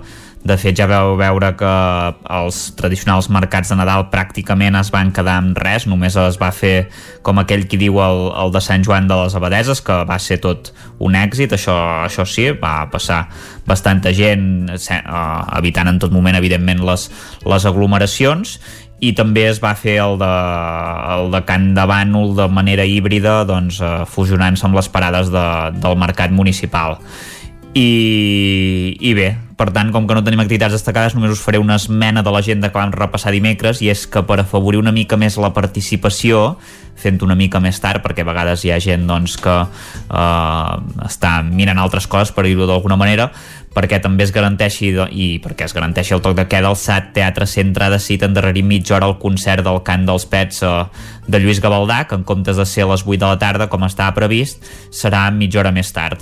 Uh, i per cert encara hi ha entrades per tant si dissabte sou a Sant Joan podeu assistir-hi sense cap mena de problema doncs sí, aquesta és la llàstima, que no tothom és a Sant Joan i no podrà gaudir d'aquest concert de Lluís Gavaldà, el cantant dels Pets, al Teatre de Sant Joan de les Abadeses. Ara nosaltres anem a veure què és el que es prepara aquest cap de setmana a la comarca d'Osona. Ens en farà 5 cèntims en Miquel R, que em sembla que té doncs, diverses activitats a punt, no, Miquel? Doncs sí, molt bones, diverses activitats a punt, eh, sempre amb aquest condicionant, ho esteu dient, amb aquest, amb aquest component perimetral municipal i que per tant són iniciatives que pensades per riure-les eh, pels mateixos veïns del poble, uh -huh. en tot cas anem salvant, diguéssim, ha algunes primeres propostes finals que també és d'agrair amb els temps que corren. Per exemple, a Centelles tindrem la tercera edició de la Fira de la Tòfona, uh -huh. que s'ha convertit ja en tot un clàssic, eh, precisament la programació manté eh, aquesta dualitat entre presencial i, i també algunes propostes virtuals en línia. Bé, les tòfones s'han de comprar presencialment, no? Correcte. No, no en deuen vendre en línia. Olorar-les uh -huh. i mhm. tastar-les i tocar-les haurà d'anar... I veure la cara que tenen, sí, sí. a l'entorn de la plaça Major, que tant dissabte com diumenge al matí haurà muntat el, que era habitualment la, la, la fireta amb productes vinculats amb tòfona o directament tòfones. Uh -huh. Per tant, també, i com a acte eh, així presencial, el dissabte a la tarda en Cesc Molera i la Fina Vila parlant una mica de, de, de perdre la por a cuinar, un acte també controlat, l'accés i tot, però un, una de les grans pors a vegades de la gent que compra tòfona i ara què em faig, no? Doncs uh -huh. podran saber una mica, tenir-ne quatre pistes a partir d'aquesta xerrada. La resta, ja dic, seran activitats en línia, a part del fet de que els mateixos restaurants del, del poble sí que tindran també plats amb, amb tòfon aquest cap de setmana per poder degustar.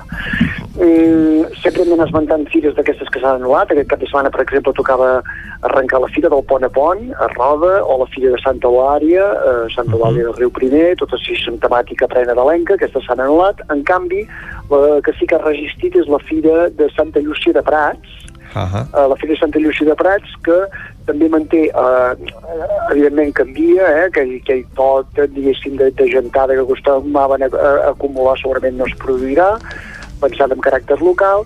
Eh, un objectiu d'una banda és reforçar el que ja havia arrencat l'any passat, que és el mercat de Nadal, per tant, productes de proximitat i nadalencs, això es reforça, i per altra s'han programat alguns actes puntuals de caràcter cultural durant matí i tarda, i, per exemple, al matí s'hauria de saber un concurs singular que van muntar a Prats, que és un concurs de versions a l'entorn de la Nadala del Fum Fum Fum, eh, per tot aquell uh -huh. vincle que té Prats amb el, amb el pedagog i músic pradenc Joaquim Pacanits.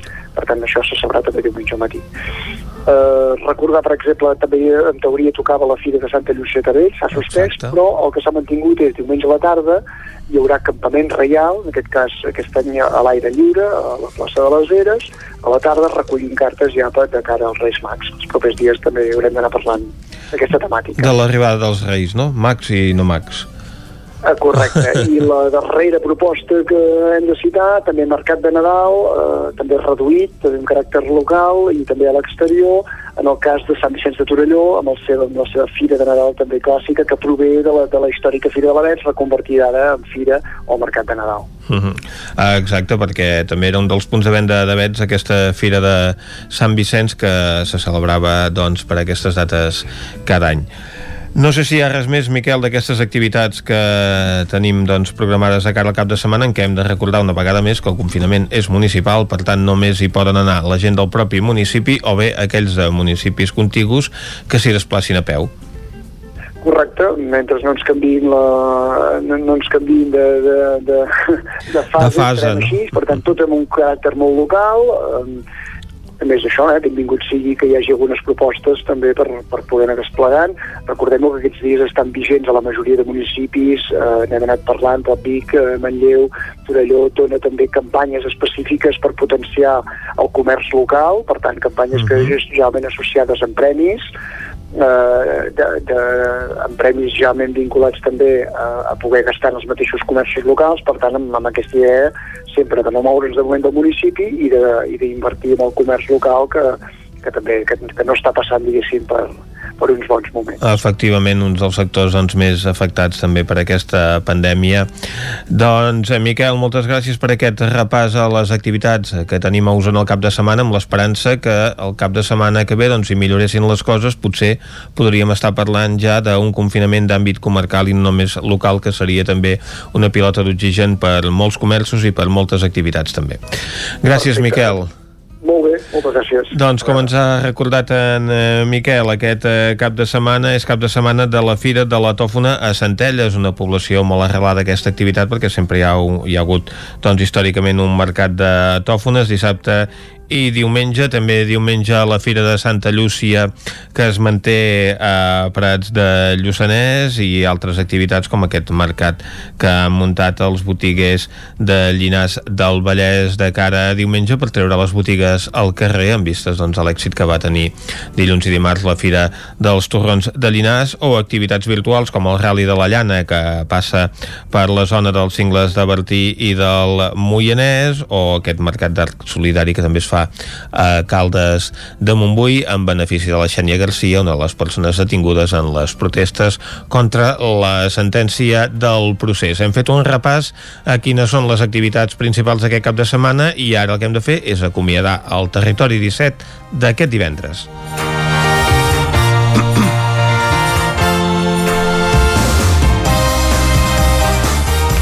Un territori 17 que han fet Clàudia Dinarès, Caral Campàs, Isaac Muntades, David Auladell, Pepa Costa, Òscar Muñoz, Guillem Rico, Natàlia Peix, Jaume Espuny, Miquel R, Arnau Jaumira i Vicenç Vigues. Nosaltres tornarem dilluns, com sempre, a partir de les 9 del matí i fins a les 12 del migdia. Serà fins llavors. Adeu.